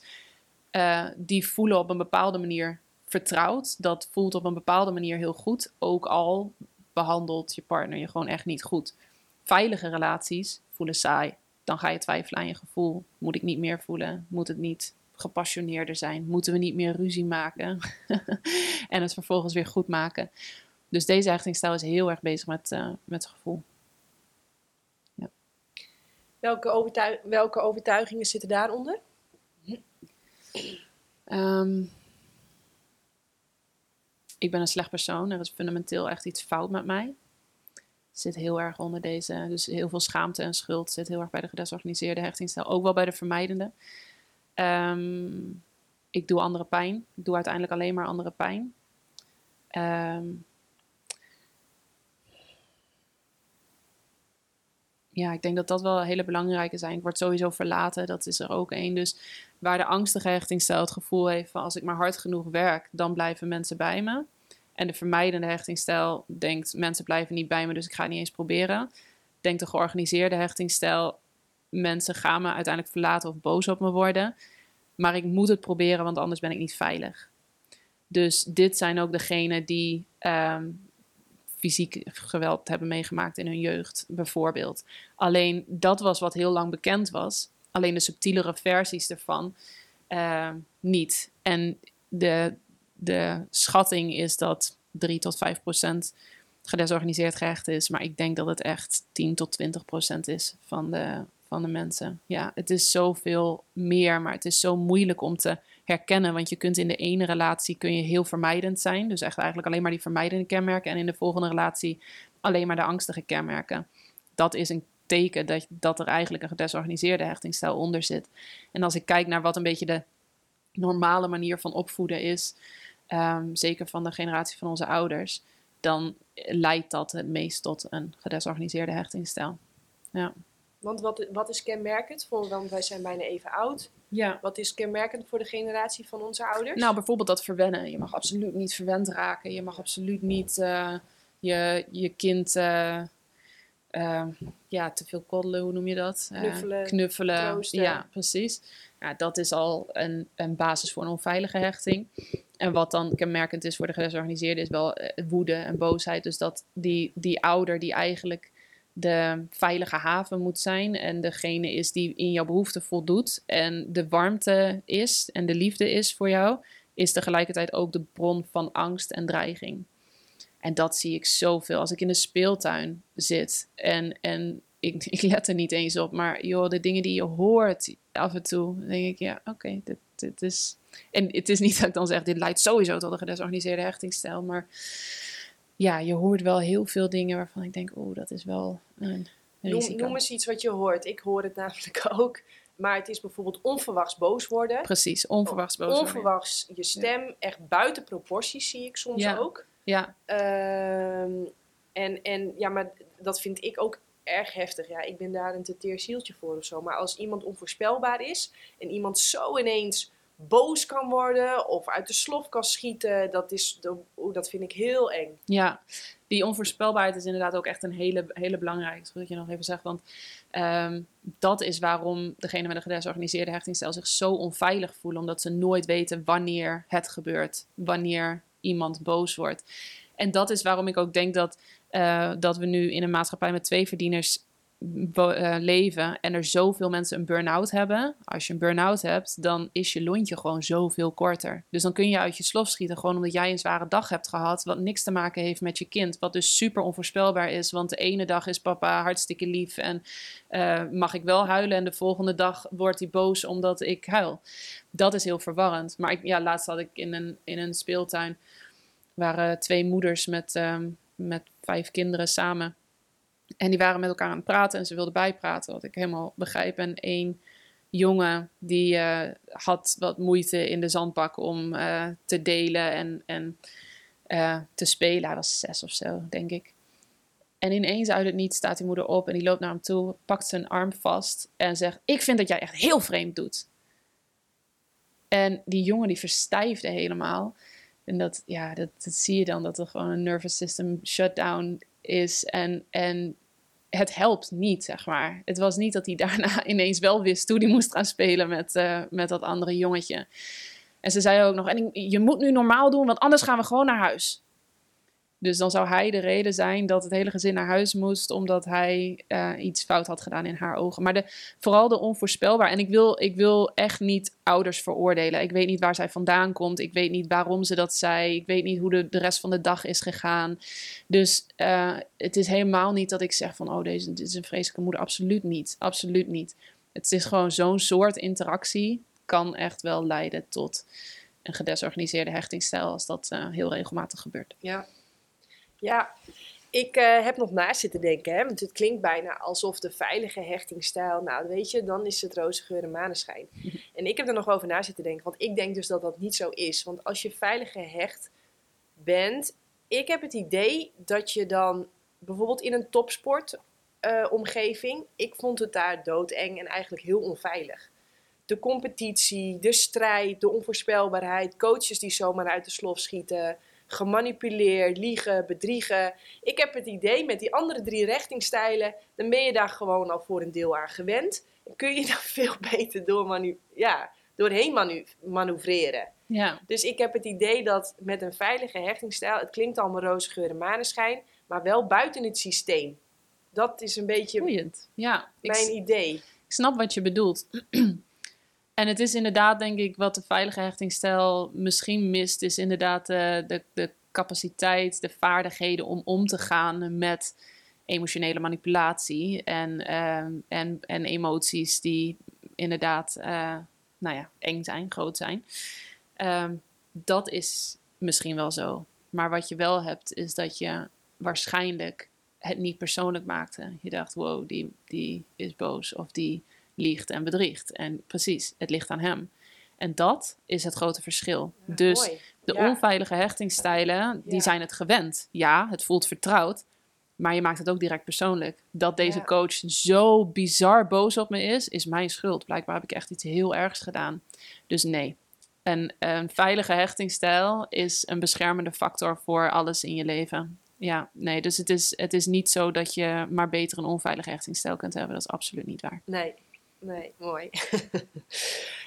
um, oh ja, en hoe werkt je hechtingsstijl door bijvoorbeeld niet in uh, de relatie met je partner, maar bijvoorbeeld in relaties met je collega's? Daar kan het absoluut ook heel veel invloed op hebben en dat verschilt ook heel erg. Dus dat heeft ook heel veel te maken met wat zijn je ervaringen daarin. Um, elke um, persoon met een, een onveilige hechtingsstijl is anders dan de ander, heeft andere ervaringen. Natuurlijk zijn er dingen die, die heel veel voorkomen, gemene deler zijn, maar zeker als het uh, over andere gebieden gaat, dan zie je dat daar steeds meer verschillen in komen.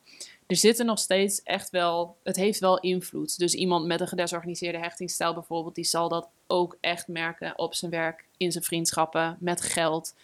Met geld? Ja, joh ja. geld? Ja, enorm, enorm. Oh, vertel. Ja, nee, hoe je met geld omgaat. Um, hoe je gelooft of je geld waard bent, zegt oh, zoveel. Zegt zoveel. Ja. En degene met een angstige hechtingsstijl, een vermijdende hechtingsstijl, een gedesorganiseerde hechtingsstijl, daar zitten absoluut patronen in, in hoe je omgaat met geld. De gedesorganiseerde patronen zijn gewoon heel typisch highs en lows. Dus je staat jezelf heel veel toe en vervolgens raak je het allemaal weer kwijt. Ze hebben veel meer een neiging tot gokken bijvoorbeeld, dat soort dingen. En uh, vermijdende hechtingsstijl kunnen heel goed de emotie uitschakelen, dus kunnen soms juist heel succesvol zijn, gewoon vanuit controle en, en steady doorgaan in doen wat ze, waar ze goed in zijn. Angstige hechtingsstijl staat zichzelf vaak helemaal geen geld toe en zeker geen overvloed toe, omdat ze ergens die zelfwaarde, uh, die overtuiging hebben dat ze het niet waard zijn ja joh, geld absoluut ook. En vriendschappen ook, maar dat, dat hangt ook wel echt heel erg af van hoe je, um, ja, wat voor ervaringen je hebt gehad. Je, er zijn mensen die gedesorganiseerd gehecht zijn en dus heel veel moeite hebben in relaties om die verbinding aan te gaan, maar wel hele stabiele vriendschappen hebben. Dus dat is absoluut niet één op één uh, nee. te zeggen. Maar het heeft wel invloed op alle gebieden van je leven. Ja, ja. oké. ik ga eventjes naar mijn uh, ik kom nu bij de random vragen, dus we doen gewoon even, uh, oké. Uh, want een vraag die ik uh, heel vaak krijg, bij mij is het 50-50 qua man-vrouw. Mm -hmm. Ik coach net zoveel mannen als vrouwen. Ja. Nou, en die, die komen dan in de snelkookpan van persoonlijke ontwikkeling, om het maar even zo te zeggen. En dan kun je er vroeg op laat. Mijn, mijn vriend noemt mij altijd relatietherapeut. Hmm. maar dan is het eh, niet veel later. ja, ik merk wel dat mijn partner niet zo met gezondheid, spiritualiteit en zelfontwikkeling bezig is eh, als ik. Eh, help, wat Ja. nu? Ja. Die hoor jij Ja. natuurlijk ook. Ja, dat is natuurlijk echt. eh, zeker in die persoonlijke ontwikkelingswereld is dat wel heel erg een ding. Ehm, Ik moet zeggen dat, dat, dat ik daar niet per se zo in zit, zeg maar. De, degene die mij vinden, die vinden echt eh, mij doordat ze problemen in hun relatie hebben. En die willen ze gewoon oplossen. Of patronen merken in hun relaties. En dat willen ze oplossen. Of veel twijfelen. Of twijfelen, veel angst hebben, eh, neiging tot depressie. Nou, gewoon echt, echt worstelen in het leven. Dus die zijn niet per se bezig met persoonlijke ontwikkeling, maar eigenlijk met overleven en, en echt hun relatie eh, beter Ja. maken. Maar ehm, dan verschilt daarin misschien onze doelgroep. dat zou kunnen. Ja, Ja, dus ik ja. zeg altijd, we hebben drie niveaus van leven. Overleven, leven, geven. Mhm. Ik ben er echt voor de mensen die van die 9,5 en 10 willen maken. Ja, Die, wil, die echt, ja, dat het over de randen klopt. Zoveel ontspanning, zo relaxed, zo Ja. eh, veel energie, geluk, gezondheid. Weet je, die, ja, dan klotst het over de randen. En dan hoor ik dus dat jouw doelgroep, die probeert gewoon, hoe de F krijg ik meer energie, dat ik die dag wat makkelijker doorkom. Precies. Ja, Ja. nou hebben we die nu ook. Ja, voor een, voor een groot deel. Ik bedoel, er zijn ook echt wel mensen die- waarbij het op zich wel goed gaat. Maar het zijn over het algemeen mensen die, die echt merken dat... Ja, gewoon het gevoel hebben van dit is toch niet hoe het leven zou moeten zijn. Dit is gewoon zwaar. Ik vind het helemaal niet leuk. Ik kijk niet uit naar de toekomst. De relaties zijn echt ingewikkeld. Ik voel me de hele dag bang of helemaal afgesloten. Ik snap relaties niet. Ehm, ja, Maar- meer maar- die kant. Ja, sorry, ik praat door je Nee, heen. dat is oké. Maar zijn relaties überhaupt te snappen? Het is toch ook een. En- Ja, maak maar af. nou ja, ik bedoel, ik heb soms ook het idee van...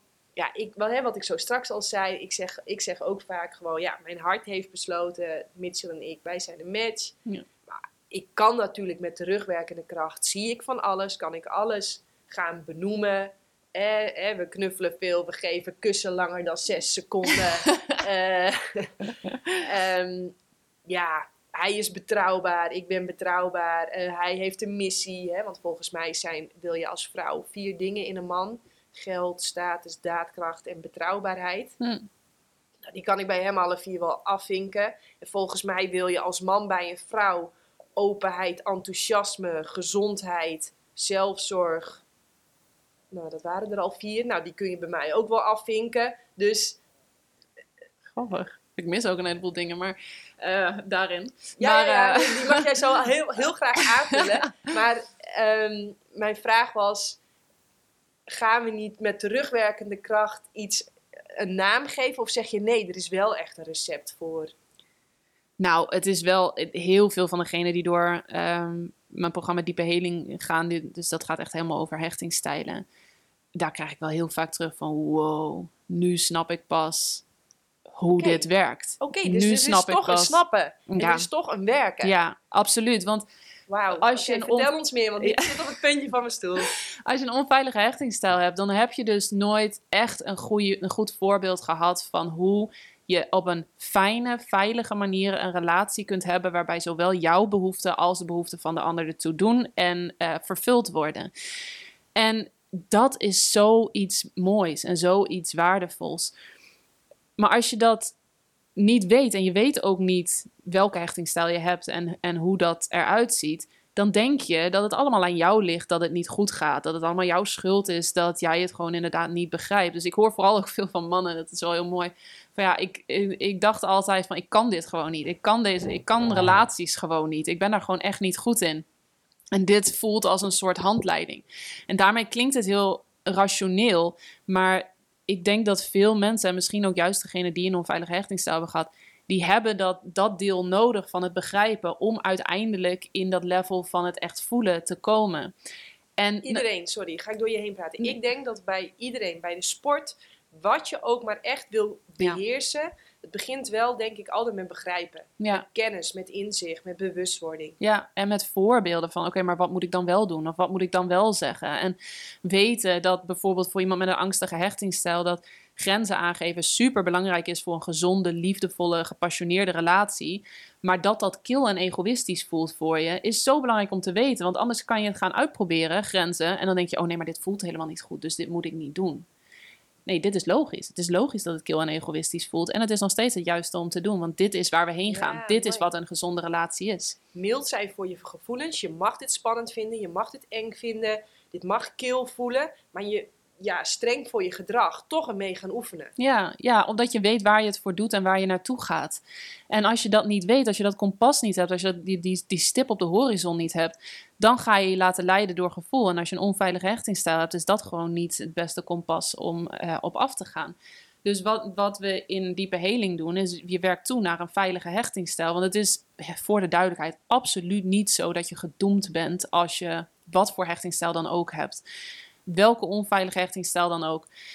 Het maakt niet uit. Het is te helen. En je kunt naar die veilige hechtingsstijl toekomen. En dat hoeft ook niet eens heel lang te duren. Er zijn heel veel mensen die binnen drie maanden zeggen van nou, ik zit echt op die stabiliteit waarvan ik dacht dat, is, dat duurt nog jaren. En ik weet nu hoe dit voelt en ik weet wat ik moet doen. En EFT, de, de, de techniek die, eh, die ik gebruik, die jij ook kent, ehm, die helpt daar ook echt super enorm. Ja, daar gaan we het straks ook nog over hebben. Leuk. Ja. Maar ehm, ja, die helpt daar ook heel erg bij, omdat je- begrijpen is één, maar je lichaam zit vol met e- associaties en opgeslagen emoties rondom verbinding bijvoorbeeld alleen al, of rondom liefde, rondom relaties. En als je dat dus kunt loslaten uit je lichaam, uit je energiesysteem, dan heb je ineens, nou, kan je dus echt oprecht binnen drie maanden een heel andere realiteit hebben van, het, van het, dezelfde relatie, van hetzelfde leven. Het voelt gewoon heel anders. Je hebt hele andere gedachten, je ziet dingen heel anders en dus ervaar je ze anders. Ja, mooi. Je zei twee dingen waar ik op aanging. Het eerste wat je zei was behoeftes. En we zijn natuurlijk lopende behoeftesmachines eigenlijk. We hebben ja, de hele dag behoeftes en we proberen de hele dag die behoeftes te voorzien. Eh, dat was voor mij ook echt een gamechanger. Oh, grappig, ja, ik heb behoeftes. Oh ja, misschien is het handig als ik leer, één, om daar eens woorden aan te geven. En want als je weet wat je wil, kun je vragen wat je wil, kun je krijgen wat je wil. Dus ik zal even een persoonlijk voorbeeld noemen. Gisteren, eh, Mitchell was met tien dingen bezig. Dus, eh, mwah, eh. en dan kan ik echt zeggen, nee, ik wil zo graag even een lange kus. Dan doet hij zo, nee, nee, nee, ik wil echt gewoon een lange, zonder dat je moe doet. En dan, en dan, dat klinkt hem bij, bijna gemaakt, maar hij deed het. Oh, en ik was helemaal blij en dan is het klaar. Ja. Ehm, kun jij daar iets meer over vertellen, over die behoeftes en hoe je, ja, nou dat. Wat heerlijk. Als je dus een veilige hechtingsstijl hebt, dan kun je dat dus merken bij jezelf. En je kunt het gewoon vragen. En als het niet gaat zoals je wil, kan je gewoon zeggen: nee, nee, maar ik wil dit. En dan krijg je dat gewoon. Voor mensen met een onveilige hechtingsstijl, die denken nu echt: oh, kan het ook gewoon zo? Ja. ehm, sorry, wat was je vraag? Ik, Oh, nou, die behoeftes. oh ja. Ik ja. vond het echt een gamechanger. Oh, Ja. grappig. Ik heb dus behoeftes. Alle mensen om me heen hebben dus ook behoeftes. ja, En we zijn de hele dag onbewust eigenlijk, het grootste de- gedeelte van de mensen is eigenlijk onbewust bezig om die behoeftes te voorzien. ja, En als je dus bij jezelf merkt, ik word zuur, ik word klagerig, zeurderig, Ja. eh, ik word eh, wrokkig, ik word pessimistisch, dan heb je dus waarschijnlijk al heel lang je behoeften niet voorzien. klopt. Ja. Ja, en dat is super kenmerkend ook voor de onveilige hechtingsstijlen. Die gaan er allemaal op hun eigen manier van uit dat hun behoeftes er niet toe doen. En dat niemand die gaat vervullen. En dat is zo verdrietig. Eh, Dus alleen al gewoon het idee van, hé, hey, maar wacht, ik mag dus gewoon behoeftes hebben. Ik mag gewoon om dingen vragen en ik mag verwachten dat mijn partner in ieder geval moeite doet om dat te vervullen. Dat is vaak echt al iets, al iets heel nieuws. En dan is natuurlijk de volgende vraag, hoe in Friekingsnaam kom ik erachter wat mijn behoeften zijn? Want die heb ik een leven lang onderdrukt. En die voelen vaak dan ook heel eng om te voelen. Want wat heel veel mensen mee hebben gemaakt, is dat ehm, om niet verlaten te worden, moesten ze hun eigen behoeften onderdrukken. Naar je eigen behoeften luisteren betekent het contact verbreken met je ouder, want die kan daar niet mee omgaan en dus ben je alleen. Dus behoeften voelen en aangeven staat gewoon gelijk aan verlating. En eh, Wauw. ja, Ja, ik zeg wauw, maar dat is gewoon bijna een doodsangst. dat is een doodsangst. Dat is een absolute doodsangst. Want als kind kan je natuurlijk niet zelf overleven. Dus je moest wel uit contact met jezelf gaan om in contact te blijven met je ouder. Want die is er voor je om er voor je te zorgen en, en er voor je te zijn. We hebben hier toevallig gisteren nog een hele sessie over gedaan uh, binnen diepe heling of verlatingsangst. Nou en dat, dat, dat is echt heel heftig. Dus het is niet een kwestie van, nou, maar even gaan voelen wat je, wat je nodig hebt. Wij werken met een behoeftekaart in uh, diepe heling. En zo ga je eigenlijk een beetje afpellen van, oké, wat gebeurt er nu? En wat zit daaronder en wat zit daaronder en wat zit daaronder? En dat is dan een hele lijst met vragen om uiteindelijk te komen bij die behoeften. Ja, en het is zo fijn om te zien als mensen dat eindelijk weer toe gaan staan. En ook inzien van hé, hey, maar dat hoeft niet altijd per se vanuit die ander te komen. Die ander hoeft niet altijd mijn behoeften te vervullen, zoals dat vroeger wel was. Ik kan daar zelf ook echt heel veel in doen. Nou, dat is gewoon super bevrijdend eigenlijk om, om dat zo te ervaren. Ja, als ik het goed herinner, hebben we iets van uh, zeven basisbehoeften. Ieder mens heeft die. Ja, welke zeven zijn dat? Ja, dan moet ik ook even. Ja, ga me helpen. maar volgens mij uh, veiligheid, mm -hmm. avontuur, uh, voltooiing, hm. warmte en voedsel natuurlijk. Dat zijn dus ja, help mij even. Nou ja, er zijn een heleboel. ja, er zijn superveel. Ja, verschillende mensen die hier verschillend naar kijken. Je hebt natuurlijk de piramide van Maslow, dat gaat ook over behoeften. En, ja. Um, ja, er zijn er zeven, er zijn er honderd, er zijn er uh, okay, nee, 350. Er zijn... ja, ja, ja, ja, ja, ja, dat klopt. Er zijn echt, er zijn uh, nou wel honderd behoeftes, dat klopt. Ja. Uh, nou, nee, volgens mij is dat niet zo. Ik heb het, ik heb het, laat ik het, laat ik het anders zeggen. Okay. Zoals ik het geleerd heb, ja. hebben alle mensen dezelfde behoeftes. Mm -hmm. We hebben alleen duizenden verschillende strategieën Precies, om die behoeftes te voorzien. Ja. Dus als ik een behoefte heb aan avontuur, uh, dan vervul ik die met de strategie bootje pakken en roeien op de zee. Ja. En dan uh, denk ik, yeah, ja, leuk. Ja, precies. Ja. Um, en als ik de behoefte heb aan verbinding, dan uh, vervul ik die op een bepaalde manier. Ja. Um, maar volgens mij hebben we allemaal de behoefte aan avontuur en hebben we allemaal de behoefte aan verbinding en hebben we allemaal de behoefte aan voltooiing. Uh, dus volgens mij. Ja, ik, we... ik, denk dat zou inderdaad echt wel heel goed kunnen. Um, ik denk wel dat voor de een bepaalde behoeften veel belangrijker zijn dan de ander, waardoor het lijkt alsof ze die behoeften niet hebben. En ook dat dat verschilt door je leven heen. Ik had enorm veel behoefte aan veiligheid. Dat wordt nu steeds minder nu ik veiliger gehecht ben, veilig ja. gehecht ben.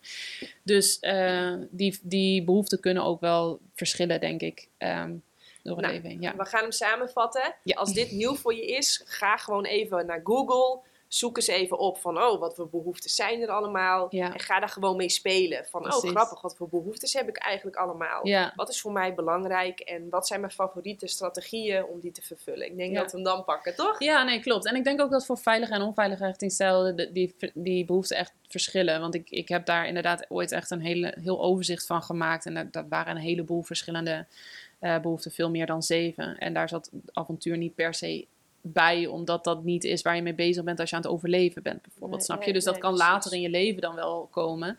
Maar ehm, ja, nou, er zijn in ieder geval heel veel behoeften en het helpt enorm om überhaupt te weten van ja, maar waar mag ik dan om vragen? En wat mag ik dan verwachten? En wat kan ik dan eh, eh, voor mezelf doen om die behoeften te vervullen? Ja, dat is, dat is al echt heel, eh, ehm, heel fijn om, om daar überhaupt een beeld van, van te hebben. Misschien komen we dan nu toch nog even bij die andere vraag. Die, waar we eigenlijk geen antwoord hebben gegeven. Maar volgens mij, eh, ik ben heel veel met persoonlijke ontwikkeling bezig. Het is mijn werk. Ja, Mitchell, het interesseert hem gewoon Oh echt geen ene klap. Ja.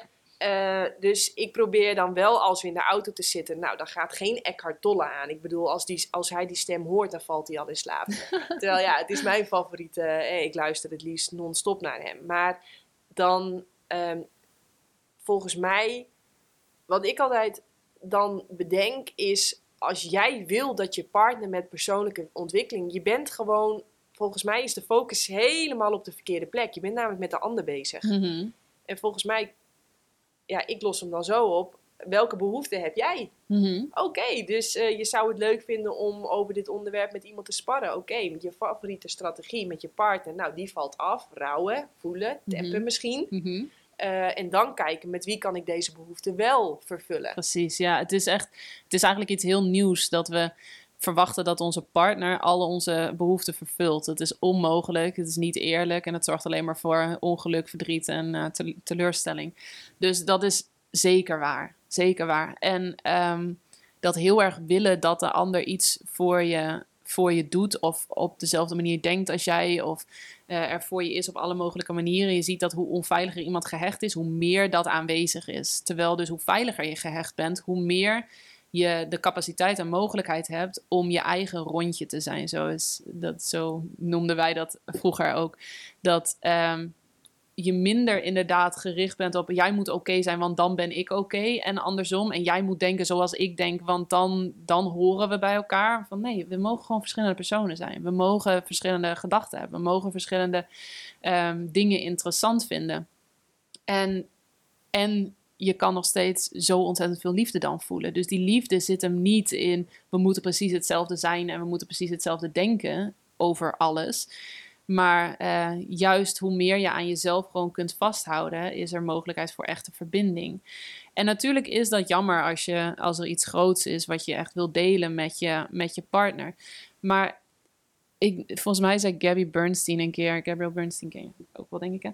Um, dat we, we meer romantiek in onze vriendschappen moeten stoppen en minder romantiek in onze, uh, meer vriendschap in onze relaties.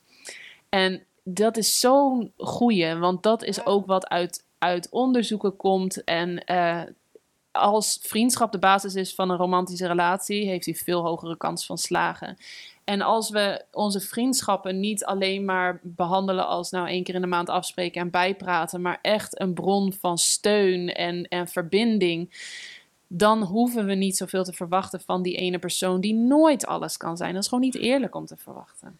Wauw, nou, ik vind dit echt een super bevredigend antwoord. ja, en niet, niet om te zeggen, kijk hoe goed ik ben, hou van mij. Ik snap dat dat soms zo over kan komen, maar er valt nu wel een kwartje bij mij. Want Mitchell die vindt zeilen heel erg gaaf. Ehm, ja, ik vind dat ook wel gaaf, maar niet zo gaaf als hij. Mhm. Dus hij is met een andere vrouw op vakantie geweest om te zeilen. Mhm. En nou, superleuk, iedereen blij. En vriendinnen verklaarden mij echt voor gek. Mhm. Ben je gek? En ik dacht echt, wat heb ik fout gedaan? Hij vindt dat toch vet leuk. Ja. En uh, ik ben dan lekker alleen thuis, vind ik ook vet leuk. uh, maar hoe kwam ik hierop? Um, ja, ik vind het zo mooi wat je zegt dat um, dat hele persoonlijke ontwikkeling gebeuren, daar heb ik andere vrienden voor. Dat doe ik niet met hem. Ja. Heel soms gaat hij voor mij mee naar iets om tien seconden later in slaap te vallen, want het is voor hem niet interessant. Ja, ja. Uh, maar daar heb ik andere vrienden voor, ook mannen, waar ik dan dus dat soort dingen mee doe. Ja. Oh, dus meer romantiek in je vriendschappen, meer vriendschap in je romantische relatie. Wauw, ja. leuk, mooi. Um, ik heb nog een random vraag. um, want dat zie ik ook heel veel om me heen gebeuren. En ik uh, ben dan te bot en te, te boerig. Dus ik, ik. En ik vind mezelf ook niet de persoon. Ik heb altijd superleuke relaties gehad. Um, en ik heb het, een of andere manier voel ik het geluk. Ik heb ook echt altijd superleuke vriendjes gehad. En dat zijn er, hè, dat zijn er vier. Ik heb nog met allemaal contact. En, um, maar ik zie op dit moment heel veel vrouwen jagen op de ideale man. En, en ergens heb ik dan zoiets, kappen met jagen, je moet gevonden worden. Ja, ik ben super traditioneel. Je castreert die man al per definitie als jij als vrouw gaat jagen. Ik weet het niet. Eh, maar ik heb zoiets van, ik ben gewoon niet de persoon. Ik heb daar geen ervaring mee. Ik heb daar geen onderzoek gedaan. Dus ik, ik ga gewoon achteroverleunen en vragen stellen. En meer kan ik niet doen. Maar wat heb jij een mening, een visie over hoe je op een goede manier je partner kunt vinden of gevonden kunt worden? Moet je als vrouw wel jagen? Nou, je hoort het tien vragen in één, maar je kunt er vast wel wat mee. Ja, dat jagen, daar spreekt natuurlijk al een bepaalde energie uit. Namelijk, ik moet iets krijgen. Ik moet iets presteren haast of ik moet iets... Ik wil ergens komen waar ik nu niet ben. En die energie, los van of jagen traditioneel, niet traditioneel, of dat goed is en een man castreert of niet, los daarvan is die energie niet helpend. Want wat ben je aan het zoeken? Waar ben je naar op zoek? En buiten jezelf. Buiten jezelf, precies. En waar, wat ik vaak merk is dat hoe hoger de, de eisen zijn en de standaarden, en dat is ook een valkuil van de persoonlijke ontwikkelingswereld en de wet van aantrekkingskracht natuurlijk, van een, een lijst van een miljoen dingen. Het werkt. Het werkt om dat allemaal op te schrijven. Maar is dat wat je wil of is dat wat je nodig hebt? Weet je wel echt wat je wil en wat je nodig hebt? Je kan een hele lijst maken en vervolgens dus daarnaar op zoek gaan en daarnaar jagen. Maar daarmee zeg je dus tegelijkertijd, ehm, het is er niet. En wat ik dus vaak zie is dat hoe meer eisen er zijn, hoe, hoe sterker die drang is van ik moet iemand hebben, ehm, hoe banger mensen eigenlijk zijn om echt liefde toe te laten. Ja, ja ik, ik voel hem helemaal. Maar hebben wij niet gewoon lekker makkelijk lullen? Volgens mij heb jij 12, hoe lang zijn jullie samen? Ja, 14 jaar, dat klopt. Ja, Precies. Weet je, wij hebben ook 12 jaar verkering. Is het niet gewoon, zitten we hier niet veel te comfortabel? Lekker makkelijk, lekker makkelijk lullen. Zeker. Je zou maar, je zou maar 28 zijn.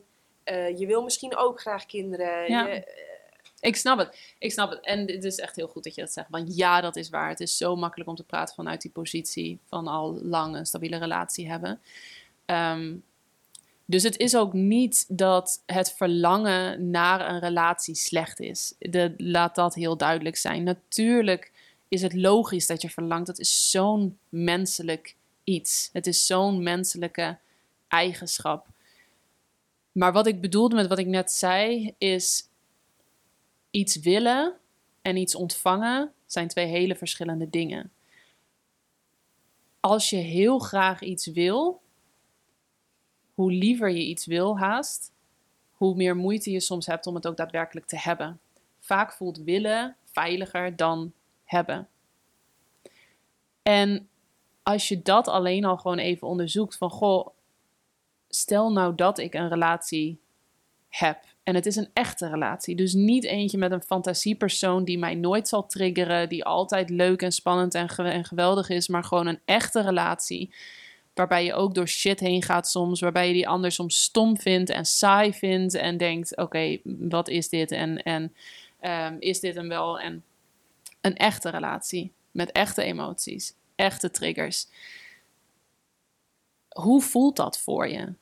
is dat iets wat je, wat je kunt toestaan? En daarbij kan je zeker ook kijken naar de patronen die je tot nu toe hebt gehad. Heb je, heb je elke keer gemerkt dat je na drie maanden dacht: nee, dit is hem toch niet. En dat je het uh, uitmaakte? Merkte je dat je na twee jaar, als het ging om uh, de volgende stap van, van trouwen en kinderen krijgen, dat het dan gebeurde? Merkte je dat je op een bepaald punt altijd ging twijfelen over de ander? Als je dat soort patronen merkt, dan is het gewoon altijd waardevol om daar in te duiken en, die te helen. En dat betekent niet dat je geheeld moet zijn voordat je iemand mag vinden of kan vinden. Dat je perfect moet zijn voordat je een partner mag vinden. Absoluut niet. Je kan ook samen helen en samen groeien.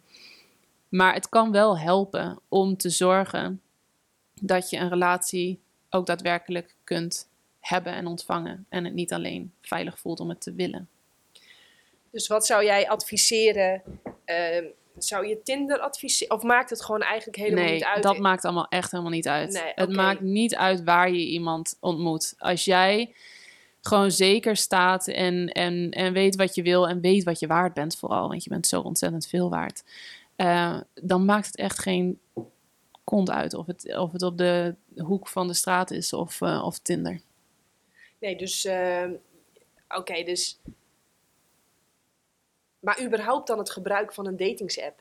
Als jij dat leuk vindt, moet je het doen. Als je, als je er weerstand tegen hebt, moet je het niet doen. We, we leven in een wereld waarin mensen heel erg schaars met liefde omgaan. Liefde als iets heel schaars zien. Er is overvloed aan liefde. Er is niet één manier waarop je iemand kan ontmoeten. Er zijn er een miljoen. Er is niet één iemand die jou alle liefde kan gaan geven. Er zijn er een heleboel. Er is niet één iemand die jou precies dat gaat geven wat jij nodig hebt. Er zijn zoveel mensen die jou dat kunnen geven. En dat hoeft niet alleen in een romantische relatie te zijn. Liefde is niet schaars. Het is niet een of andere unicorn die je moet gaan zoeken en vinden en die dan ervoor gaat zorgen dat je voor altijd gelukkig bent. Liefde is overal. Voel je het? Kun je toestaan? Kun je dat zien? Kun je daar mee spelen, kun je daarmee dansen. Als Tinder voelt als spelen en dansen, doe het. Lekker, geniet ervan. Als het voelt als ik moet dit doen, want anders leer ik nooit iemand kennen, niet doen. Niet doen en eerst zorgen dat jij lekker oké bent met jezelf en, ehm, en, je, en je goed voelt. En je kan op allerlei manieren kan je iemand uh, ontmoeten. Ja, natuurlijk is het fijn om, om uh, je niet op te sluiten in je huis, zelfs dan kan het nog. Maar doe de dingen die jij fijn vindt. Niet omdat je een partner moet vinden, maar omdat jij, omdat dat gewoon goed voelt. Omdat je daar een opening naar voelt. Heb lief en doe wat je zin in hebt. Ja, ja. en heb jezelf vooral ook lief daarin. Ja. Ik vond een hele mooie uitspraak van jou. Uh, want die, die hoorde ik in een andere podcast waarin jij vertelde dat jij enorm eigenlijk onbewust geschrokken was van het feit dat de ouders van een vriendinnetje die gingen scheiden. Die hadden gezegd: de liefde is op. Ja. En toen zei hij vervolgens: maar liefde kan niet op zijn. Liefde is er altijd. Je kunt de deur naar liefde wel zelf dicht doen. Ja. Ehm, maar ja, die vond ik, die kwam zo binnen bij mij. Die vond ik zo mooi. Want inderdaad, liefde zit in jou. Je bent misschien wel liefde. En je kunt non-stop aan alles wat je doet en wat je zegt en waar je bent, kun je liefde toevoegen is voor mij ook echt super lange mantra geweest. Dan zei ik altijd, ja, ik ben liefde. En dat straalt uit naar alles en iedereen om mij heen. Ja. ja en, dat, en dat mensen lijken het wel op te pikken. Ja, tuurlijk. We zijn allemaal energie. Ja. dus de energie die je uitstraalt is zeker ook wat mensen, wat mensen oppikken. Ja, en kijken naar liefde als een bron van overvloed. En zeker ook iets wat in jezelf zit en wat je deelt met iemand, maar niet krijgt van iemand. Dat helpt of je nou in een relatie zit of niet, enorm. Mooi.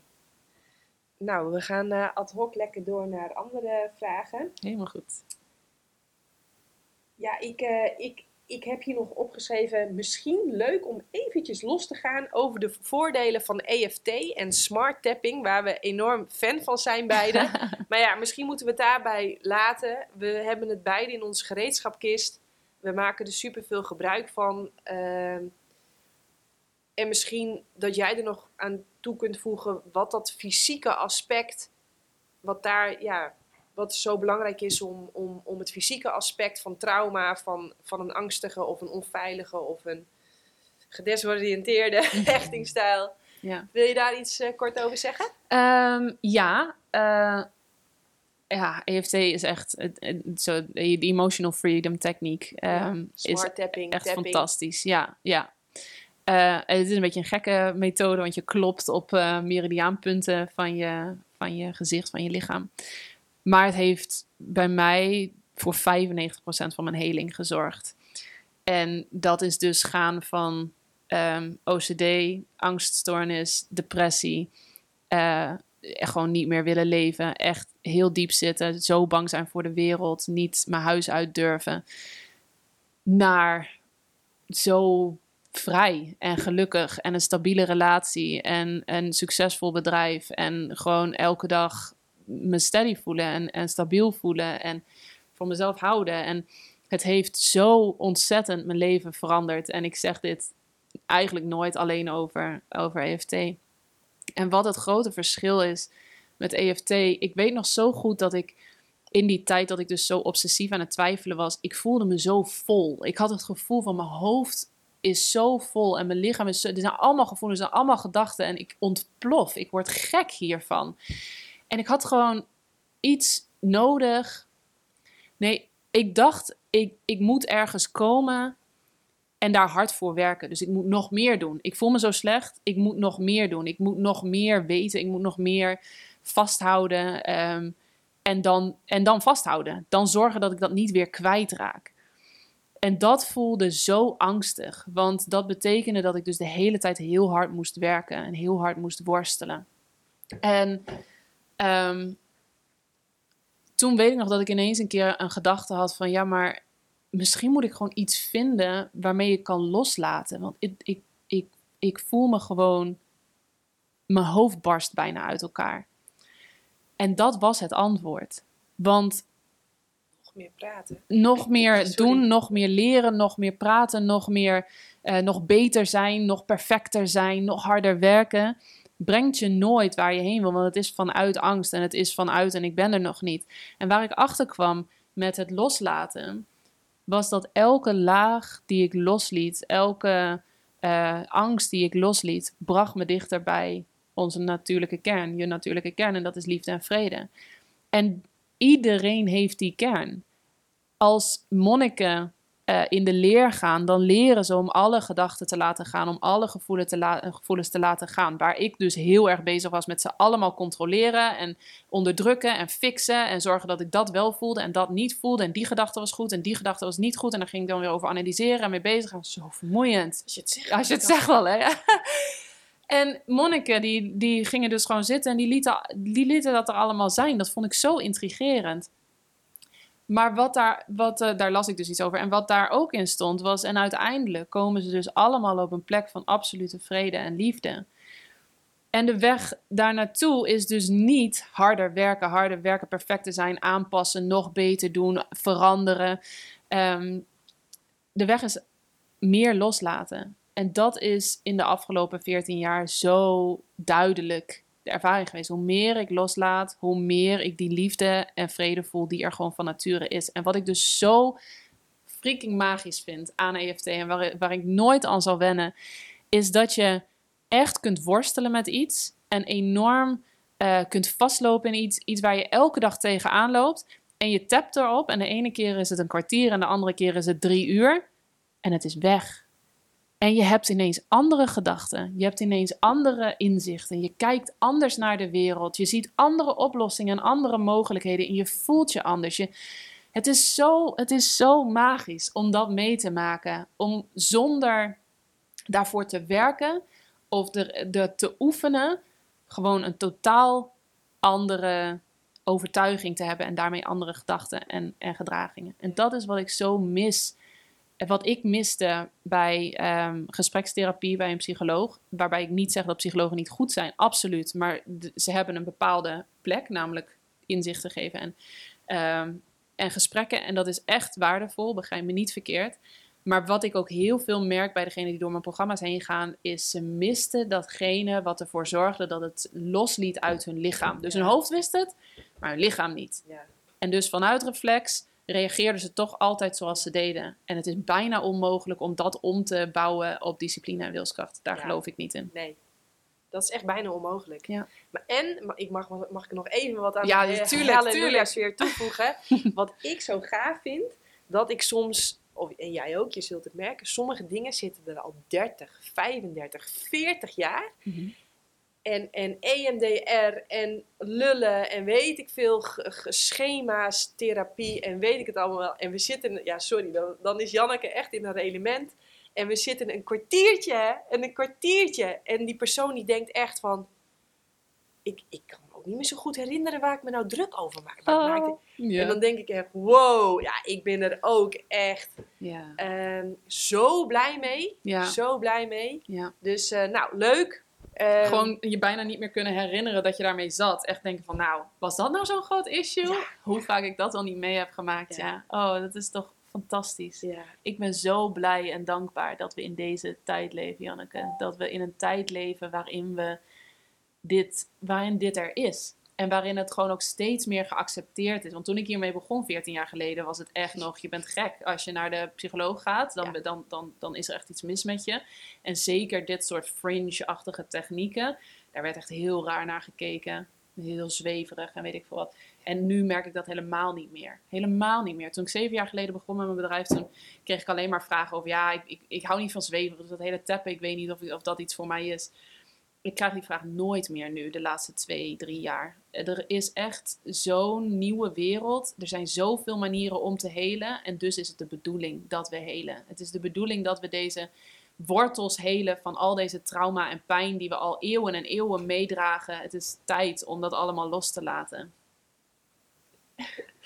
Ja, ik heb nog vragen, maar ik vind het bijna een hele, hele mooie afronding. Ja, nou, vraag maar lekker door hoor.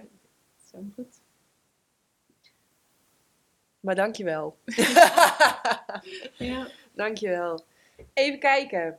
Um, wil jij toch met ons nog eventjes wat leuke, leuke, memorabele lessen delen die jij geleerd hebt van die uh, 40, 50, 100 stellen, 100, 100 stellen 100, ja. die je geïnterviewd hebt? Want eh, dat heb ik je ook verteld tijdens het telefoongesprek. Ik heb heel vaak als vraag in de podcastshow: stel je voor als ik later groot ben en ik ga een boek over de liefde schrijven. Wat moet daar volgens jou in? Mhm. Jij hebt dat boek gewoon al geschreven. Hoe Ja. gaaf.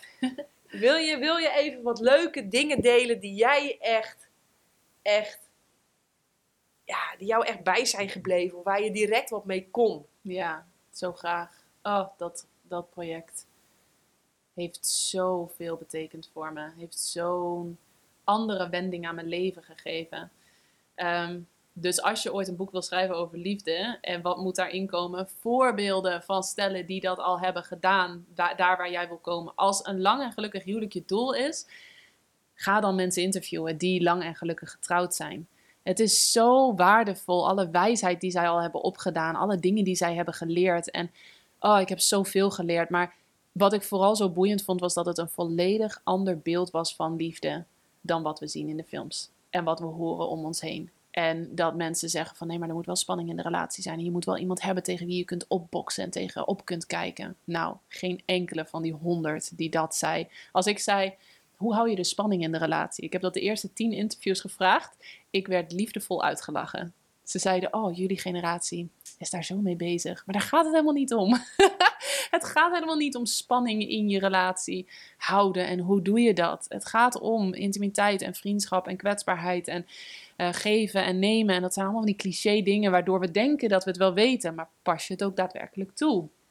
En het was gewoon ook de heerlijke nuchterheid van een vrouw die zei van ja, en dan soms vind ik hem gewoon stom. En dan ga ik naar de andere kamer en dan ga ik hem daar stom vinden, vinden zijn. En dan na vijf minuten denk ik, waar zou die eigenlijk mee bezig zijn? En dan ga ik hem weer opzoeken. Nou, dat was zo'n bevrijding om dat te horen. Want ik dacht, ik moet hem altijd leuk vinden. Ik moet altijd verliefd zijn. Ik moet altijd bij hem willen, willen zijn. Dat is gewoon niet realistisch. Dat is niet hoe gevoel werkt. Dat is niet hoe een relatie werkt. Gevoel komt en gaat als eb en vloed. Dat kwam ook zo vaak terug. Ehm, en irritatie is ook zo logisch, maar zeg meer over jezelf dan over de ander. Als je je irriteert aan iemand, dan begrijp je diegene nog niet genoeg. Yo, er zijn een miljoen van dat soort quotes die gewoon zo heerlijk nuchter waren en daarmee juist zo liefdevol. Het beeld van romantiek wat wij hebben is niet romantisch, want het is gebaseerd op gevoel. Als ik heel veel voor jou voel, dan ben jij de ware. Maar wat betekent dat als dat gevoel of als dat verandert? Zeg je dan, oh, nou, nu voel ik niks meer, doe je was toch niet de ware? Deze stellen zeiden, gevoel komt en gaat, daar moet je de keuze niet op baseren. Liefde is, je blijft gewoon bij elkaar en je, je maakt een keuze voor elkaar en gevoel volgt die keuze. Dus op het moment dat het gevoel er even niet is, of dat er veel irritatie is, zeg je niet, oké, het gevoel is er niet meer, doei. Dan zeg je, goh, waarom is dit? Wat moet ik doen om deze relatie weer te laten zijn zoals die was of beter? Hoe kunnen we verdiepen? Waar zit de opening? Wat kan ik anders zelf doen? Wat is het in mij dat ik dit gevoel nu niet meer heb? Nou, en, en nu heb ik het gevoel dat dat soort dingen meer wijd verspreid zijn. Maar 14 jaar geleden was dit echt volledig nieuw voor mij. Echt volledig nieuw. Ik had hier nog nooit van gehoord om op die manier te kijken naar je gevoel en naar relaties. Maar ja, dat is wel zoveel dichter bij eh, de waarheid en, eh, en hoe je een lang en gelukkig huwelijk creëert. En ook echt gelukkig, hè? Niet gewoon we blijven bij elkaar omdat het moet, maar echt, echt gek op elkaar. Mooi, Ja. mooi, leuk. Ehm, ja, het doet mij ook heel erg denken aan de knikkerpot-theorie. En die ken je ongetwijfeld. Ja, Hoe heet ze ook alweer? weet ik niet meer. maar ik Eh, weet welke je bedoelt, ja. Ja. En, eh, Alice, Alice nog iets? Nee, ik weet het niet. Nee, eh, nou, het schiet me straks wel te binnen. Maar ehm, en mijn ouders die hebben ook al 180.000 jaar verkering. Heel lang. Oh, ik moet ze interviewen. 180.000 is echt heel lang. nou, heel lang. Mijn moeder was 19. oh ja, ja. En, dan kom ehm, je er wel, ja. Ja, dan kom je er wel. Vroeg beginnen. Mhm. En wat ik zo grappig vind aan mijn ouders, die zijn non-stop de hele dag, ja, ik, ik moet er bijna om lachen, maar geïnteresseerd naar elkaar. Oh. Ja, en Oh. ja, het is heel schattig. maar als ik dan bijvoorbeeld met mijn vader op vakantie ben, dan. eh, oh, ik moet even Froni bellen om te zeggen dat we al op de boot zitten. Of ik moet even Froni bellen om te zeggen dat we er zijn. Ja. Of ik moet even Froni bellen om te zeggen, we hebben zo lekker gegeten. En dus die... Zo lief. Oh, ik zit echt... Ja, we noemen ze dus ook dan wel Peppy en Kokkie, ja, mijn vriend en ik. Ja. Want, maar die zijn de hele tijd... eh, hoe is het gegaan? Hoe was dat? En die zijn dus de hele tijd... Ze delen heel erg elkaars wereld. Ja, Wat Heel- volgens John Gottman een van de ja, geheimen is. Ja. ja, Ja. heel erg Prachtig. betrokken. En ik had nog opgeschreven de telefoon. Mhm. En ik heb het idee dat die telefoon, dat die wel heel erg dat die oprechte betrokkenheid en die oprechte aandacht en die oprechte aanwezigheid, dat die telefoon heel veel kapot maakt. Ja, ik heb hem hier ook op tafel liggen, omdat mijn vragen erop eh, staan. ja.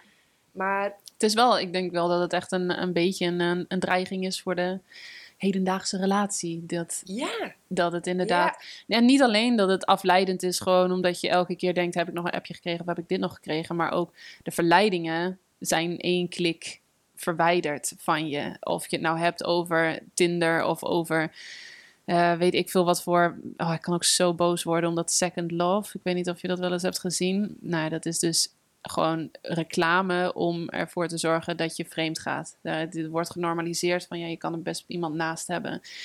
Ehm, en porno ook. Ik bedoel, het is allemaal zo dichtbij. Het is zo makkelijk om het te krijgen.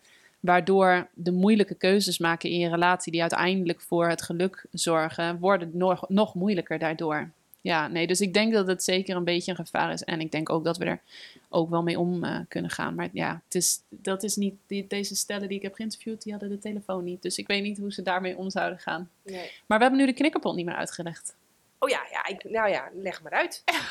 Nou, hoe, het is al een hele tijd geleden, maar hoe ik eh, hem ken, is dat eh, je aan het begin van je relatie eh, heel veel investeert in liefde. Dus je bent heel dankbaar en je doet allemaal leuke dingen. En dat zijn allemaal knikkers die je in een knikkerpot doet. En door je relatie heen haal je daar knikkers uit eigenlijk. Dus je, je bouwt voort op dat wat je in het begin van de relatie hebt opge, opgebouwd. Ik, ik weet niet of dat is wat je bedoelt. Want Oh, ik heb hem anders geleerd. ja, want dit Ik is van geleerd 14 van- jaar geleden. Ja, ja, nou ja. En ik eh, ben het hier niet, mee, niet helemaal mee eens. Maar er is ook een andere versie volgens nee. mij. Nou ja, ik, eh, ik moet nu ook even tien jaar graven. Maar wat ik heb geleerd is, ehm, de, er gaan iedere keer knikkers in de pot als ik zeg... hey, ik vind echt fijn dat je... Bijvoorbeeld Mitchell, weet je wel? Dan maakt hij ineens out of the blue het huis schoon. Ja. Dan ga ik echt zeggen...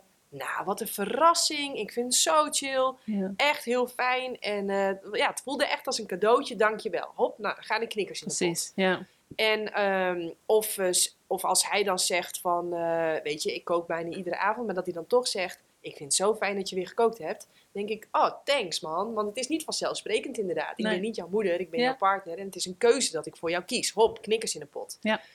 En wij denken heel vaak dat eh, liegen, bedriegen, vreemd gaan, dat dat heel veel knikkers uit de pot haalt. En dat is ook zo. Maar er is iets veel sluipenders. En dat is ehm, bijvoorbeeld, je bent aan het werk. En dat is bij heel veel stellen tegenwoordig is dat zo. Je werkt beide thuis. En iemand komt binnen en je zegt, ja sorry schat, even zin afmaken. Dan gaan er dus best wel veel knikkers uit de pot. ja, want je Oh. herkent die ander niet, je ziet hem niet. Je, ja, ja, precies. ja, precies. Dus als jij heel veel knikkers in de pot wil houden, is het hop, laptop dicht en direct zeggen van... hey, wat fijn dat je er bent en wat zie je er goed uit en hoe was je dag? En dat je echt even zak even thee zetten Ja. en zullen we eventjes vijf minuten gewoon zitten. En Ja. misschien wil je even wat zeggen of niks. Of, eh, maar die oprechte aandacht, dat dat dus heel veel knikkers in de pot doet. En dat die telefoon, ja, ik denk dus dat die... eh, je zit in een gesprek en je gaat, die telefoon gaat en je neemt op. Ja, ja. Of je gaat ineens, omdat je gewoon niet bewust bent, ineens je mail checken terwijl de ander wat zit Ja. te vertellen of even naar woorden zoekt. ja, Nou, dan gaan er dus heel veel knikkers uit de pot. ja. Dus ehm, volgens mij is dat de knikkerpottheorie. Ja, klopt. En dit is in de, ik heb deze ook wel eens gelezen en ik ben het zoveel meer eens met deze. Want ehm, de knikkerpottheorie die ik dus had ge- ge- gehoord toen, 14 jaar geleden, toen ik zo twijfelde, was alleen maar echt triggerend voor me. Omdat dat ging erover dat in het begin, als je zo intens verliefd bent, dan bouw je een knikkerpot op en daar haal je de rest van je leven uit. En toen dacht ik, ja, maar dat bevestigt alleen maar het idee van liefde kan op zijn. En dat is gewoon niet zo. Dat is echt niet zo. Want inderdaad, je, je doet knikkers in die pot de rest van je leven. En dat kan. En dat is goed. En Ik dacht dus heel lang, een gelukkig huwelijk of een gelukkige relatie heb je door te focussen op die knikkers die uit de pot gaan. En er mogen geen knikkers uit de pot. Dus uh, hoe kun je voorkomen dat je ruzie hebt? Hoe kun je voorkomen dat je, uh, uh, dat, dat je je irriteert aan elkaar? Daarmee focus je helemaal op het verkeerde. Want een gelukkig huwelijk bouw je niet door te zorgen dat er niks vervelends gebeurt. Je bouwt het door te investeren in knikkers in die pot doen. Al die positieve dingen, al die positieve momenten. Ken je dan ook de 20 tegenover 1 van uh, John Gottman? Nou, de liefdesratio? ja, die heb ik gehoord dat je mag echt wel een keer kritiek hebben. Je mag echt wel even een keer uh, bot zijn of wat dan ook. Um, maar daarover tegenover staan 20 positieve dingen. Precies, ja. ja ik ja. heb dat echt ook toegepast op een vriendinnetje van mij. Die zeurde altijd. En dan zei ik, tuurlijk lieve schat, zeur maar even lekker. Maar je weet het, één keer zeuren betekent in de matstik haar vijf positieve dingen. Ja, ja. En, en nou ja, ik wil mezelf geen veer in mijn reet steken, maar dat is nu een van de positiefste mensen die ik Oh, ken. Want mooi. die heeft gewoon haar brein, zeg maar, geherprogrammeerd. Die was gewoon geconditioneerd op zeuren, klagen. Ja. En die is nu veel dankbaarder, veel ja, optimistischer, positiever. Ja. Is dat hem? Ja, dat is hem inderdaad. Ja, en het is, het- er is inderdaad een soort eh, misverstand dat eh, eh, het vijf tegenover één is. Dus elke negatieve interactie heeft vijf positieve nodig. Maar dat is in een ruzie. Dat is in een conflict. Dit is dus wat John Gottman ehm, heeft onderzocht bij duizenden stellen die gelukkig getrouwd waren. Heeft hij al hun interacties geobserveerd, wat een veel betere manier is dan de interviews die ik heb gedaan met sociaal wenselijke antwoorden. Ehm, en hij kwam er dus achter dat zelfs in conflict gelukkige stellen nog vijf positieve momenten hadden. Even elkaar aanraken of een grapje maken of eh, binnen een conflict. En dat in het dagelijks leven gelukkige stellen zorgen voor 20 positieve interacties tegenover elke negatieve interactie. Dus focus niet op die negatieve interactie. Focus op hoe kan ik zoveel mogelijk positieve interacties creëren. En dat is iets waar je jezelf denk ik heel vaak aan moet helpen herinneren. Maar dat werkt wel echt als een malle. En positieve interacties zijn even aanraken, even een knipoog, even een compliment geven, even je dankbaarheid uitspreken. Vul me eens aan. Nou, de beste manier is om de liefdestaal van je partner te kennen. Oh, natuurlijk. de vijf liefdestalen. Oh ja. Nou, die rammen we er dan ook nog even bij. Ah, dat is een heel zijn... lang gesprek dit, hè? Ja, sorry, dan gaan we hem afronden. Nee, maar vijf, dus- nee, ik vind het allemaal prima hoor. de vijf liefdestalen. Leuk als je nog luistert. eh, ja, leuk als je nog luistert. Ik kan hem ook in tweeën knippen. Maar, Kan eh, ja. Ik heb een keer de podcast in tweeën geknipt en dan kreeg ik helemaal... Oh nee, ah, moet ik een week wachten. Oh. Eh, dus we zetten hem er gewoon op. Maar de vijf liefdestalen. Lieve woordjes, cadeautjes, eh fysiek contact. eh, Dienstbaarheid en quality time. Ja, dienstbaarheid en quality time. Ja. Ja, En dus is het dan belangrijk om van jezelf te weten wat je graag ontvangt? het is belangrijker haast nog om te weten wat, wat je partner graag wil Zodat je kan geven. Ja, precies. En de, de liefdestaal van je partner spreken helpt zo enorm, juist ook in deze hele drukke tijd. Want wat bijvoorbeeld in mijn relatie ook wel vaak gebeurt, is mijn man is ontzettend dienstbaar. Wat echt een liefdestaal is en ik heel erg waardeer. Maar mijn liefdestaal is positieve woorden. Dus op het moment dat hij het druk heeft, valt hij terug op zijn liefdestaal, namelijk dienstbaarheid. Terwijl als hij dan zou kiezen voor positieve woorden, dan heeft hij veel meer effect met minder doen, zeg maar. Dus ehm, ja, het is juist ook als je weinig tijd samen hebt, is het heel belangrijk om de liefdestaal van je partner te spreken, om heel verbonden te blijven en, en gelukkig met elkaar te blijven. Ja. Mooi. Wat, eh, hoe kunnen mensen jou vinden? Wat voor dienst kunnen we bij jou afnemen? Met welk probleem kun jij eigenlijk oplossen voor mij? Ehm, nou, ik heb twee online programma's. eh, en de ene gaat echt over twijfel. Dus als je twijfelt aan je relatie en je voelt gewoon heel veel angst en spanning, ehm, dan is daar rust de liefde. En ehm, ja, dat, daarmee ga je echt naar rust in je lijf, rust in je hoofd. Gewoon weer rust in plaats van die overweldigende angst.